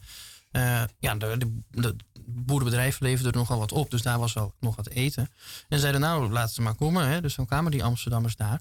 En die arme kinderen, die dachten van, we gaan nu naar een vredig eiland. We zijn nu eigenlijk een beetje uit de oorlog weg. En vervolgens liep dat helemaal uit de hand op Texel. Dat, dat is een enorme veldslag geworden in eh, mei, april, mei 45. Eh, de laatste veldslag van West-Europa. Omdat daar was een Georgisch bataljon. Ik zal niet in detail treden. Dat, dat kunnen de mensen op internet wel lezen. Maar er is een muiterij van een bataljon krijgsgevangen soldaten. De Duitsers zaten zo krap in hun soldaten dat ze krijgsgevangenen als soldaten op dat rustige Texel hadden neergezet. En dat is eh, ja, geëindigd in een, een, een trieste veldslag. Wat hij in het lied ook eh, bezingt is ook, eh, ook mijn eigen familiegeschiedenis. Mijn, mijn oma die is ook door de sloten voortgejaagd door de schietende Duitsers. En haar broer werd daarbij ook door een kogel geraakt en liep een tijdje skeef. Oei. Ja. Ja, ja. Maar ja, er is heel veel ges- geschiedenis natuurlijk op Texel. Eh, deze geschiedenis heeft voor de taal niet zo heel veel betekend. Maar andere geschiedenis wel. En dat eh, komt allemaal in het boek naar voren. Zeker. Een boek van eh, bijna 800 pagina's. Dat is wel zo, ja. Het is echt wel dik. Is Maar- het een, is het een standaardwerk, denk je, geworden? Eh, Heb je alles kunnen behandelen wat je wilde? Bijna alles. Eh, er staat ook wel. Ja, ik, ik had het er laatst ook nog met iemand over. Is het nou in de Tessels, hè, als je zegt eh, we gaan met elkaar daar naartoe? Dan zeg je in het Hollands, in het westelijk Nederlands zeg je meestal eh, met elkaar. En in het noordelijk Nederlands, in het Fries, maar ook Groningers zeggen dan met elkaar. En die klemtoon naar voren. Ik kom er niet uit, op Texel komt alle twee voor. Oké, En ik heb dat uiteindelijk niet opgenomen in mijn boek. Dan moeten de mensen zelf maar uit. bij deze. Ja. Ja. Maar als dit boek eh, uit heeft, spreek ik dan, eh, zou ik dan goed Tessels kunnen spreken. Hoe zou men op mij reageren stel ik een café binnenloop? Laten we zeggen een beetje vergane glorie setting, zo zie ik dat voor me. Nou. Oh. ja, er, wordt in de, normaal wordt er in de eilanden horeca goed geld verdiend. Eh, Er is de laatste jaren iets misgegaan, maar dat komt dan weer terug. Dus dan eh, zien die cafés er op zich wel patent uit. Maar eh, ja, als je aan de burg bent en je gaat naar de slok. en je vertelt dat je een beetje Tessels machtig bent, dan zijn er altijd wel wat stamgasten die met jou Tessels willen praten. Oké. Dan word ik wel met open armen ontvangen. Of denken ze dan, wat komt die eh, overkanter hier eh Ja, nou dat interessant laatste, doen? je wordt natuurlijk gewogen, dat hoort erbij. Ja. Maar ze, Tesselaars houden ook wel van een beetje plagen. Oké. Dus eh, meestal ben je al iets eerder binnen dan je zelf denkt. Eh, ze, ze, blij- ze blijven je nog wel even sarren. Maar ze zijn, het zijn, Tesselaars zijn niet een, het zijn geen echte eigenheimers hoor, wat dat betreft. Maar dat Tessels is wel iets wat, wat vaak in kleine eigen kring wordt gesproken. Ja, ook omdat je nou eenmaal niet verwacht dat iemand van de overkant dat kan. Nee. Eh, voor de vissers is dat wel anders. Die, die zijn bijvoorbeeld wel gewend om tegen de Wieringers wie, Tessels te praten. En die Wieringers praten dan Wierings terug. Dat lijkt genoeg op elkaar en dat versta je wel. Eh, ik geloof dat het ook wel bij de Urkers een beetje het geval is. Dus tegen de Urkers praten ze ook gewoon Tessels en dan krijgen ze Urkers terug. En dat gaat eigenlijk over het algemeen prima. Eh, en eh, zeker de vissers hebben ook wel een beetje kennis van die dialecten. Vandaar die uitdrukking die ik in het vorige uur eh, al even lanceerde. Een uur op Texel is een jaar op Wieringen. Dat is echt zo. eh, want uur is het Tesselse woord voor uier van een koe. Of van een schaap. ja, goed, maar laten we zeggen van een koe. En op Wieringen gebruiken ze daarvoor een, een iets ouder woord, jaar. Dus een, een uier heet daar een jaar. Dus een uur op Tessel is een jaar op Wieringen. Dat is mooi. Ja. Eh, nou, eh, het, het boek eh, heet Taal over Zee. Maar Tessels is ook veel een taal over schapen. Die het, het woord schaap komt wel veel voor in het boek. Ja. Ook omdat het een heel belangrijk woord is. om, om, om Tessels en het Noord-Hollands in brede zin af te bakenen van de rest van, van de dialecten. In heel veel dialecten is de klinker van water en de klinker van schaap dezelfde. In het standaard Nederlands is dat zo. Maar bijvoorbeeld in het Amsterdams, waar de lange A vaak een beetje als een A wordt uitgesproken, dan zeggen ze dus een schaap. Maar zeggen ze ook water. Dus hè, die, die, die A is hetzelfde. ja. Eh, en dat is in de dialecten van Noord-Holland boven het ei eh, niet zo. Dat is een, oude grens. Eh, in het West-Fries is het bijvoorbeeld water en skijp. En op Sint-Tessels is het dan water en skeep. En die klank skeep die is heel typisch voor het Tessels. En ik heb het woord skeep ook, ja, ook, om die reden, ook om andere redenen natuurlijk heel vaak als voorbeeldje gebruikt in zinnen. Dus ik denk dat het woord skeep wel het vaakst voorkomt in dit boek. Behalve de lidwoorden en zo. Maar skeep, ja. Straks. Ja, straks staat er ook in, maar skeep, ja. ja. Ja, ik heb hier in het boek ook een, eh, eh, een eh, gedicht gevonden. Oei, oei. Ja, Wat in mij erg eh, eh, ik aansprak. hou, nou, nou hou ik mijn hart vast. Wie gaat het lezen? Maar- Ja, eh, nou ja, jij mag het natuurlijk lezen. Dan krijgen we onberispelijk eh Tessels. Ja, nou ja, Misschien is dat hopen wel we het maar, beste. Ik wil het ook eh, proberen. Nou, maar zal, dat- zal ik het maar doen? ja, Zal ik het doen? Ja. Ja, het is een korte... een Tessels wordt altijd een beetje gerekt. eh. oh, er, er, er ligt ook bloed in het boek of zo. Ik weet niet, heb je er een mug mee doodgeslagen? Eh, ja, als men- eh, mensen die mijn boek kopen, je mag het ook gebruiken om muggen mee dood te slaan. Ik, eh, ik- wat dat betreft, de mensen zijn helemaal vrij om het te gebruiken. Dure investering voor een vliegenmapper. Of ze je nou zo op een kruiwagen leien. Alle gaar raak je een keer aan de kist. Voer voor de kraaien en voer voor de maaien. Als je niet langer kan bluven, dan ga je. Hier is je kuultje, daar is je kist. Geen mens die je moeit en geen mens die je mist. Kijk, Ja, geen mens betekent niemand. Het woord niemand, dat, dat wordt eigenlijk niet gebruikt in het. Tessels. Geen mens. geen mens. Geen mens klinkt het dan als... Dat, ja, Ja, geen mens. Ja, geen mens. ja Tessels heeft een beetje. eh, ja, ehm, Henk lachte er al een beetje mee. We hebben een bepaalde schwung. We, we maken die klinkers even wat langer als het kan. En ook daar zit een hele systematiek in. Want de luisteraar die denkt, ja, zo'n dik boek over de Tessels, wat staat er dan in? Ik ga natuurlijk ook wel eh, uitgebreid in op de achtergrond van de taal. En, en waarom zijn die klanken zo? En het is zo dat die, die lange klank, eh, kijk, mens, daar is het, dan is het logisch. Want dat is de N die ervoor zorgt dat de E me- meer naar je neus gaat. Nou, dat kun je trouwens in Amsterdam ook horen als je naar de Belmer gaat. Want Surinamers die doen dat ook heel duidelijk. Die maken ook echt van die mooie neusklanken. Prachtig om te horen. Klinkt voor mij als Tesselaar heel vertrouwd. Eh, maar er is ook een andere regel. En die zegt als het de medeklinker aan het einde van het woord stemhebbend is. Dus een medeklinker die je normaal met stem zou uitspreken. Een D bijvoorbeeld. Dan is die klank ervoor lang. Dus een, kijk, een skeep staat op een diek. Dat is gewoon diek. Dat is een K. Er gebeurt niet zoveel. Diek. Een korte I.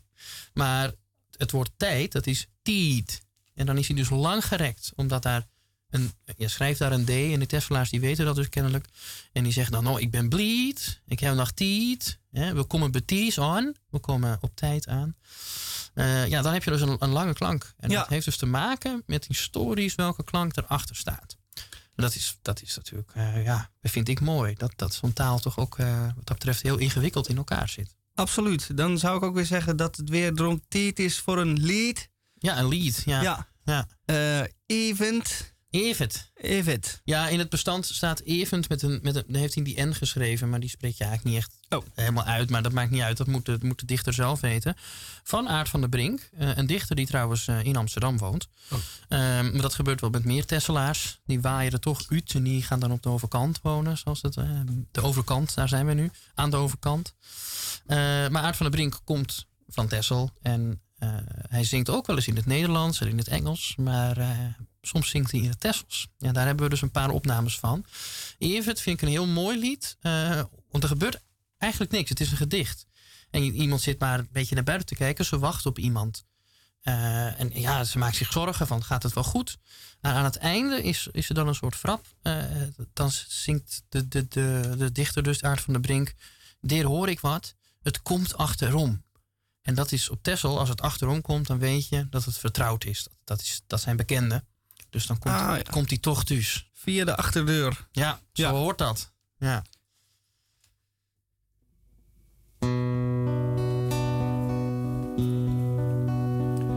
Nou bennen ook de peerden alweer gries.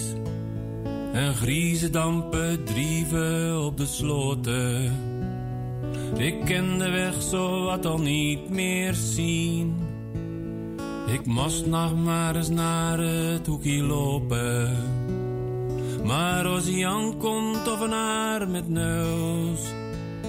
Wie weet stak hij nog ruchten in de brand.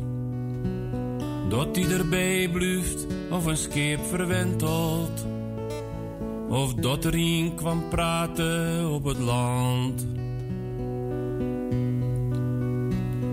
Het schemert vroeg en het was zo mooi vandaag. Ik hou nog in de luwt in het zonnetje zeten.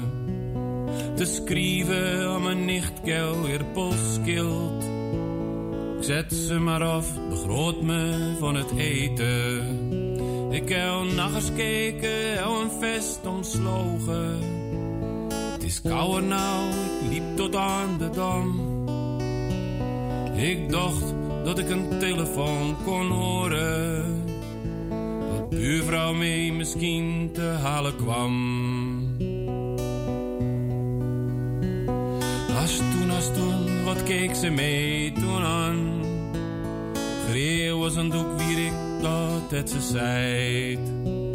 En later als ik naar de tegels zeeg, het zederarmen om de kinders leidt.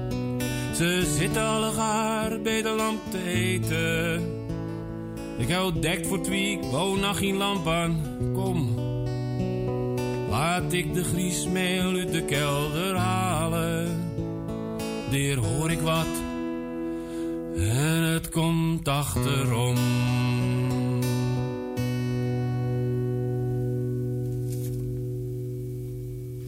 Ja, dat prachtige eh, nummer in het Tessels. Evert. Event. Ja, die E is ook een mooie klank. Maar je doet het eigenlijk wel goed hoor. Evert. En, en dat, dat, het verschil met de, de E van eh, weten, weten of Evert, dat maakt nogal uit op zijn Tessels.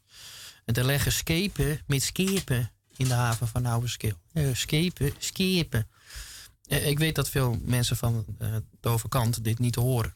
Dus Tessels is wat dat betreft niet makkelijk. Het is niet lui praten. Het, het is wel een taal. Je moet er wel echt je best voor doen. Ja, maar het is ook wel een echte taal dat er dus eh, wat discussie over kan zijn. Eh Aart van der Brink eh, koos bijvoorbeeld in dit gedicht, in, in dit lied voor... ik, ik heb een vest omslogen, hè, omgeslagen. En er zijn ook Tesla's die zouden omslegen gezegd. En er zullen ook wel mensen zijn die zeggen... nou, ik zeg teugen- teugenswoordig omslagen hoor. Dus er- kan heel veel variatie zitten. En dat hoort er ook bij. Ja, ik hoor hier op de achtergrond een. een Ja, mooi. vrolijk muziekje. Wij, Het is eterstiet. Het is etenstiet, ja. Dus dan gaan we even luisteren naar onze gewaardeerde collega die weer een heerlijk recept Boon. heeft eh, Theo Boon. bedacht. Chef van de 1 sterrenrestaurant De Peulvrucht. En nu een opmerkelijke uitzending van de vorige week. U en ik werden in de maling genomen met de zwarte walvis. Nergens te koop, overigens. Een van de luisteraars heeft zelfs bij de Japanse ambassade naar een verkoopadres geïnformeerd. Deze week zoek ik het dichter bij huis, in het bos. Dan volgt hier het recept. Hazenrug à la forestière. En hier voor u de ingrediënten voor vier personen. 20 verse zilveruitjes. 250 gram bospaddenstoelen, bijvoorbeeld kantarellen. Twee hazenruggen. Wat zout en vers gemalen peper. Boter om te braden. Twee eetlepels olie. 100 gram rookspek in blokjes. 1 eetlepel rode wijnazijn of ietsje meer. 2 deciliter wildvond. Koude boter om te monteren. Vervolgens de bereidingswijze. De oven voorverwarmen op 180 graden. De zilveruitjes pellen en circa 2 minuten blancheren in een pan met kokend water. In een zeef laten uitlekken. Paddenstoelen schoonmaken. De hazenruggen invrijven met zout en peper. In een braadpan wat boter verhitten en de hazenruggen na elkaar rondom bruin aanbraden. Hazenruggen naast elkaar in een braadslede leggen en in de oven nog circa 10 minuten laten garen. De vet in de braadpan afblussen met azijn. De wildvond toevoegen en op hoog vuur laten inkoken. In de koekenpan olie verhitten en de spekblotjes, zilveruitjes en paddenstoelen aanzetten. Hazenrugfilets uit de oven onder aluminiumfolie nog even laten rusten. Ingekookte wildvond met wat koude boter monteren tot een mooi gebonden saus. Hazenrugsfilet van het bot snijden en in plakjes snijden. Plakjes op verwarmde borden dresseren met het garnituur van spekjes, zilveruitjes en paddenstoelen. De saus apart erbij geven. En hier nog een wijnadvies. Comfort, comforiorin, ja, dat is een moeilijk woord, joh. Joh, hoe kunnen ze dat voor elkaar krijgen? Campo Fiorin, Massi Agricola, Valpolicella en DOC. Dames en heren, ik wens u met dit gerecht en de wijn een smakelijk eten en drinken. Het laatste wat hij zei, was dat nou een fles wijn of ging dat over een, een eh, aandoening? Die het, kan, het kan allebei zijn. En dat is nu eenmaal met een dialectspreker zo. Je weet het niet, je weet het niet. Maar we zijn Je allemaal dialectsprekers. Maar Ja, Theo, Theo is, is, is prachtig, want hij, hij, hij leest het voor in het Nederlands. Maar je hoort natuurlijk het, het West-Fries erin. En het mooie is dat hij op een gegeven moment... Hè, dan, dan aarzelt hij over die uitspraak van die, van die rare naam van die wijn. En dan zegt hij, hoe kunnen ze dat nou ook bedenken of zo, zo zegt hij iets. Dan hoor je dus kannen, dat bestaat eigenlijk niet. Maar hij denkt in zijn hoofd dan kennen, neem ik aan. Wat ook in Amsterdammer eh, heel bekend voorkomt natuurlijk. Hoe kennen ze dat nou bedenken? En hij gaat zich dan eh, corrigeren en hij neemt zo net, net één afslag te vroeg en hij eindigt bij kannen. Ik vind dat fantastisch. Ik, ik, ja, daar kun, je, kun je grapjes over maken, maar ik vind het ontzettend mooi. Omdat je hoort hoe, hoe de taal in het hoofd eh, ja, eigenlijk allerlei laagjes eh, in bezit neemt. En er zitten dus heel veel varianten in, in het hoofd van één spreker van het Nederlands. En dat is hij. Eh, maar hij heeft ook dat, eh, het, het West-Fries is natuurlijk niet, verlogent hij niet. Je hoort het terug. Als hij het woord twee uitspreekt, dan is het twee. Hè? Die, die daar gebeurt wat mee. Dat is, op Texel zou je dat ook zo horen. Twee. Dus het is, het is prachtig. En ik vind ook dat mensen daar trots op moeten zijn. Laat het maar horen. Ik had die eh, conducteur in de trein wat dat betreft wel in de armen willen vallen. Blijf alsjeblieft zo praten. Negeer alle collega's die daarover mopperen. Nee, laat dat Amsterdams rollen. Eh, Heerlijk. Prachtig. Moet. Ja, Ja. altijd dicht bij eh, zelf blijven. Ja, en, en en, ja, dan laat je ook de diversiteit van taal horen. Want we zijn niet allemaal eh, hetzelfde. Diversiteit is juist iets heel erg moois. Eh, dat is eh, mooi in de natuur, hè, biodiversiteit. Maar ook mooi in taal. Ja, het is allemaal, absoluut. Ik, De plaats van, ik standaardtaal, dat het is een fantastische romantische ideeën, Ja. maar het gaat natuurlijk om de verstaanbaarheid. We hebben niet voor niks een taal afgesproken met elkaar. De uitspraken hebben we afgesproken, wordt zo geleerd op school. Ook al gaan de, mensen in, mensen, de, de kinderen in Born naar school, of in Oldenzaal, of in weet ik veel waar. Ze leren in ieder geval eh, hun Nederlands goed uitspreken, zodanig dat zij zich in ieder geval met dat Nederlands onder elkaar kunnen verstaan. Ja. En dat heeft een doel, dat heeft zin. Nou, en dan merk je ook hoeveel zin dialect kan hebben. Dus als je behalve standaardtaal ook dialect spreekt. Want dat is iets wat veel Tesselaars ook al benoemen. Die krijgen natuurlijk Ja. te maken met mensen uit heel Nederland. Ja, Eh, ja. Want ja, het is een toerist- toeristisch eiland. Ja, ja, ja, ja. Eh, en juist als je dus opgegroeid bent met een dialect, dan kun je wisselen van standaard Nederlands. Maar je kunt ook makkelijker iemand met een accent verstaan. En dat is ook wel wat, iets wat Omdat je wat die varianten uit, al eh, kent. ja. Je weet al dat er varianten bestaan. Een ervaring en dat- die vaak wordt gerapporteerd. Dat, dat ja, juist ja, mensen uit, eh, laten we zeggen, nou ja, de Randstad.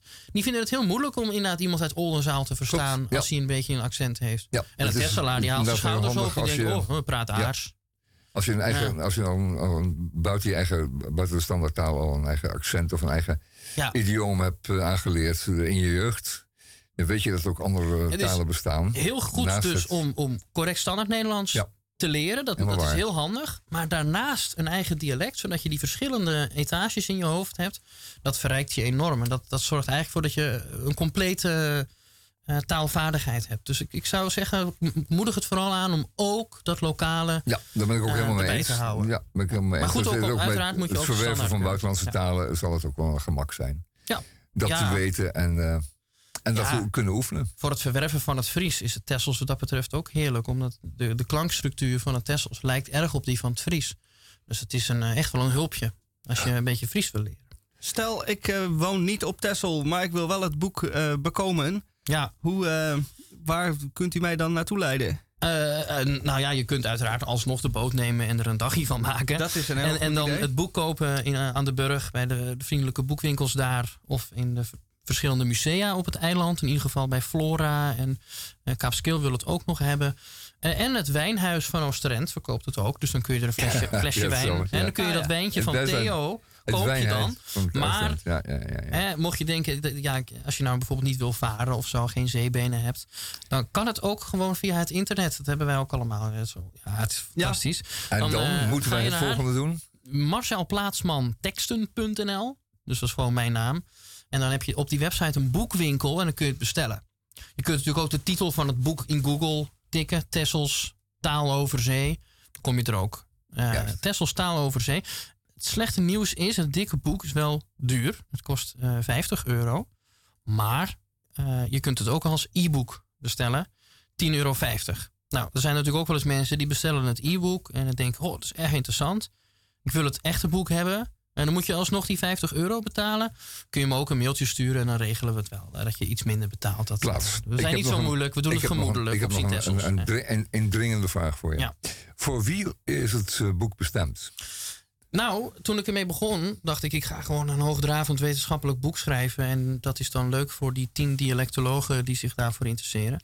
Bestaat er zoiets als een dialectoloog? Ja, er zijn eh, wel dialectologen. Ik heb toevallig Ah. een boekje bij me, wat deze week eh, Ja, bij mij op de mat viel. dus. Ja. Het uh, Dialecten Doeboek, uitgegeven door eh, het Meertens Instituut, het bureau. Hè, Daar eh, verwacht ik, in die hoek verwacht ik het vlakbij de, de Waalse kerk hier Ja, in Amsterdam zitten ze tegenwoordig. Schuin tegenover het gerenommeerde café Het Kelkje. Ja. Ehm, waar ik ook wel eens kom. Eh, en maar, eh, Kom maar tussenin, kom maar. je, je, je kunt daar zo half Radio Dieperik tegenkomen. Ja. Maar eh, het dialecten doelboek, dat, is- daar, eh, daar staan voor mij 40 hoofdstukken in. Allemaal geschreven door dialectologen. Dus op zich zijn er wel wat. Maar er zijn natuurlijk veel meer Tesla's die dit interessant vinden. Of Amsterdammers die denken, ja, die taalgeschiedenis... die, die dus eigenlijk door heel Noord-Holland loopt... en die dus begon- begint eigenlijk met dat Amsterdams van, van Bredero en, en, en anderen... Ja, die kunnen dit boek ook heel interessant En heb vinden. je de, En heb je de dus algemene kennis over Ja. het Tessels gescheiden van de Ja, echte ik heb boek- dialectologie? Ik heb het boek zo geschreven Ja, ja. dat het ook voor de, de leek een, een meeslepend boek is. Kijk, Ja, daar dus het, houden we het- van. het- tuurlijk, af en toe is het ingewikkeld, maar dat kunnen mensen ook prima aan, want mensen zijn niet dom. Nee. Maar het is, eh, je Maar hoeft als je er van geen, Tessel eh, houdt en je je hoeft er wil geen je wat verdiepen, taalkundige voor te zijn en ook, Ja. je hoeft er ook geen Tesselaar voor te zijn. kwijt. Ja. Het is duidelijk. Absoluut. Helder. Marcel Voor de liefhebber van Texel. teksten.nl. Ja, Marcel Plaats van teksten, dat is dan met KS, want de X, dat doen we natuurlijk niet aan. Tessels taal over zee is ook gewoon met, met twee S'en. Tessels. Ja. Drie, drie S'en eigenlijk, als je Dus goed niet gaat tellen. Texels. Nee, dat doen we niet aan. Ja, dat X, dat hadden ze nooit mee moeten beginnen. Dat heeft heel veel mensen in de war gebracht. Ja, ja, ja, terwijl het wel op de visserschepen staat. Hè? Dat is TX. TX. ja. Ja, maar dat, dat ook zeg weer je uit dus te weer spreken als Tessel Texel. 2. Ja, Ja. Dus je zegt Tessel tegen zo'n schip. TX24 staat er. Ja, Tessel 24. Ja, mooi. Ja, ja, mooi. Maar hoe verwarrend, wie, wie is daarmee begonnen? Ja, Plaats, doe er wat aan. Tessel 24. Ja, maar ja, ja, dat is een afkorting. Hè? Maar wordt, het wordt de Texel dus nooit meer gebruikt? Meeste wanneer? mensen zeggen Tessel. Ja. Wie gebruikt het nog wel? Nou, mensen uit de Helder, uit een soort van narigheid. Pestigheid. Ja, en maar je hoort soms ook wel eens Tesselaars, want die denken, ja, Tessel, dat is dan toch misschien een beetje Tessels, een beetje plat. En dan gaan ze Nederlands praten en dan gaan ze dus, net als Theo net met dat kan, hè, Ja. dan gaan ze van de weeromstuit Texel zeggen. Ja, dat moet je eigenlijk niet doen. Dat Hey, en hoe heet die scheepvaartondernemer tussen, het onderneming tussen Texel tussen, en... Tessel en Den Helder, de TESO. Ja, als kind dacht ik, oh, dus daar bedoelen ze Tessel mee en die L is eraf gevallen. Maar nee, eh, ja. hè, want, want Tessel, zo zeg je het dan een beetje als je het plat zegt, Tessel. Maar de TESO, dat is Tessels eigen stoombootonderneming. ja. Nou, ze varen inmiddels op een of ander biologisch gas. Maar het is nog steeds eigen, eh, deze onderneming. Eh, het dus is van alle Tesselaars. Ja. van alle Tesselaars en niet Ja. van de Texelaars. Sterker nog, op de Oh. boot, dat is een leuke. Dat, dat is namelijk, er heeft een taalkundige daar een grapje uitgehaald, denk ik. Die X, daar wordt wel van gezegd, dat is dezelfde, historisch dezelfde klank die wij hebben in het woord voor eh, vos. En dat is in het Engels een fox, in het Duits fuchs. Hè? Dus in het Duits en het Engels hebben een x-klank, een ks-klank. In Ja. het Duits schrijf je die dan met chs, dat is een ander verhaal. Er zit ook bijvoorbeeld in wisselen, hè, wechselen. Ja, nou goed, dat woord heb je dan niet in het Engels. Maar Akkoord, akkoord, Ja, akkoord. hè, Allemaal. X'en. Ja. en wat doet dus die dame op de boot die dan omroept van... Hè, we gaan dadelijk aanmeren in de veerhaven van Texel. Dan zegt ze dus in het Nederlands Texel.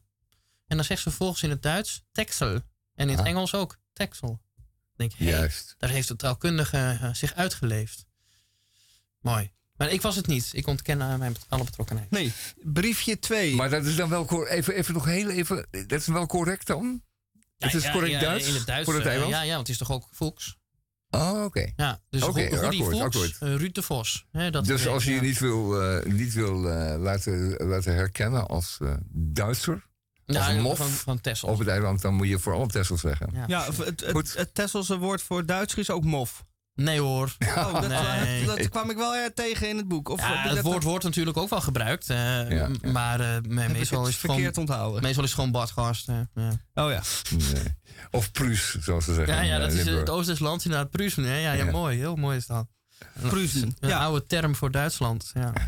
Nou, voor in ieder geval voor het agressieve deel van Duitsland. Dat is een ding wat zeker is. Ja, het, het Tsjechische woord voor een Duitser is Niemiec. Maar dat betekent eigenlijk stomkop. Nou, dat wil zeggen iemand die niet kan praten.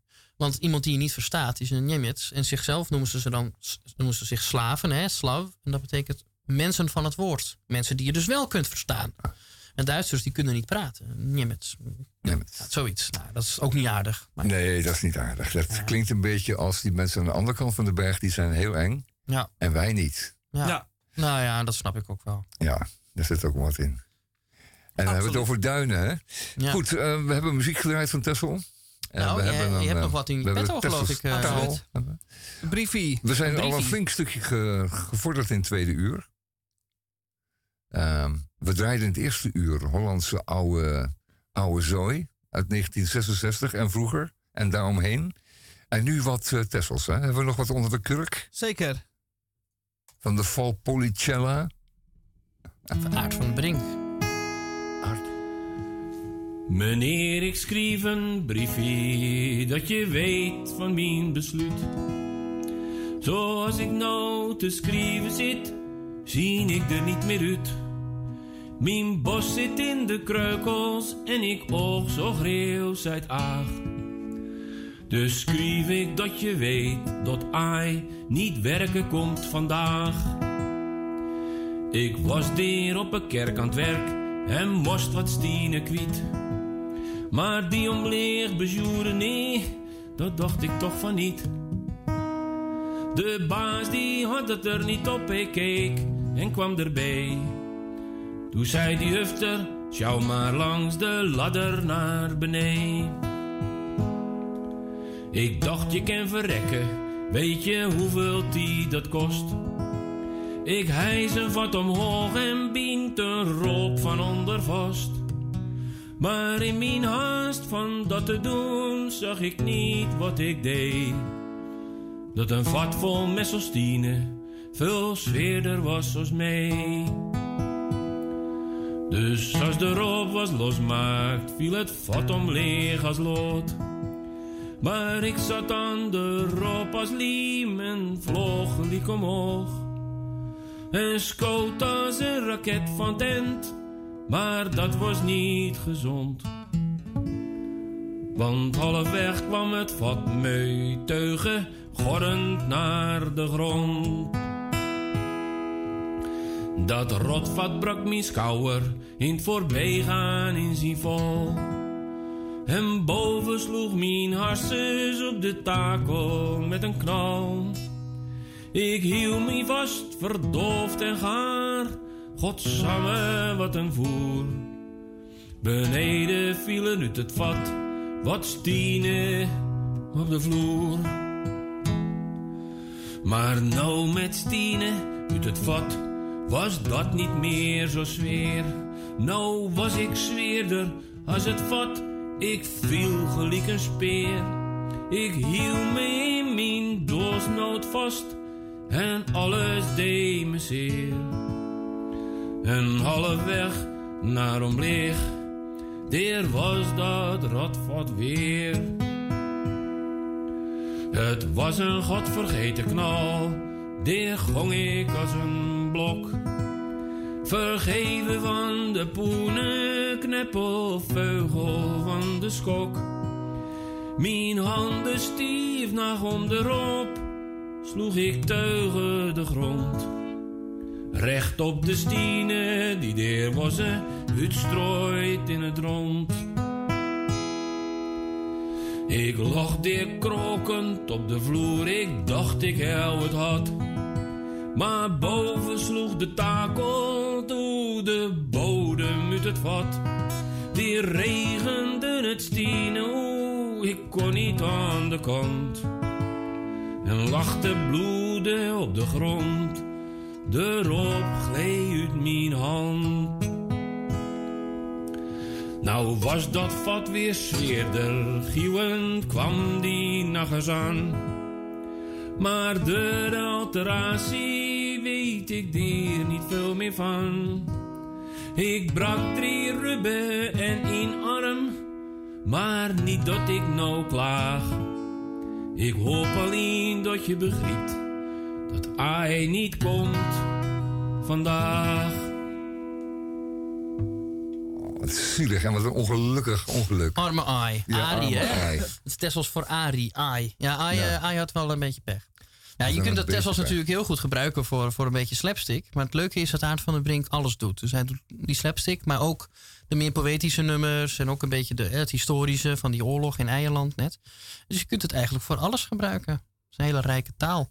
Ja, dit is natuurlijk leuk. Als, als je dit voor een zaal Tesselaars doet. En dat, ja, nu is het allemaal even wat minder met, met eh, maatregelen. Maar dat kan binnenkort hopelijk weer. Ja, ja, ja. Dan zit er ongetwijfeld. eh, 300 man. Eh, ik kijk naar Tamon, jij bent er ook eens bij geweest. Ja, ik ben er ook eens bij van geweest. Brink ook zien optreden. Ja, het is Ja, heel dan, leuk om dan mee te maken. gaat de lach natuurlijk Het door de is een zaal. hele leuke gemeenschap. Ja, het is heel gezellig. Ja, eigenlijk buitengewoon. En, en zeer, zeer gehecht aan hun taal, aan hun sfeer, aan, een, aan een, nou ja, de hele atmosfeer van het samen zijn. En als daar nog eens een keer een mooie landbouw, tento- een landbouwwerktuigen tentoonstelling naast staat, dan is het natuurlijk helemaal Ja, verrukkelijk. dat prachtig. en iets ja. te eten erbij graag. Nou, eten hebben ze ook op Texel. Ja. Genoeg. Ja.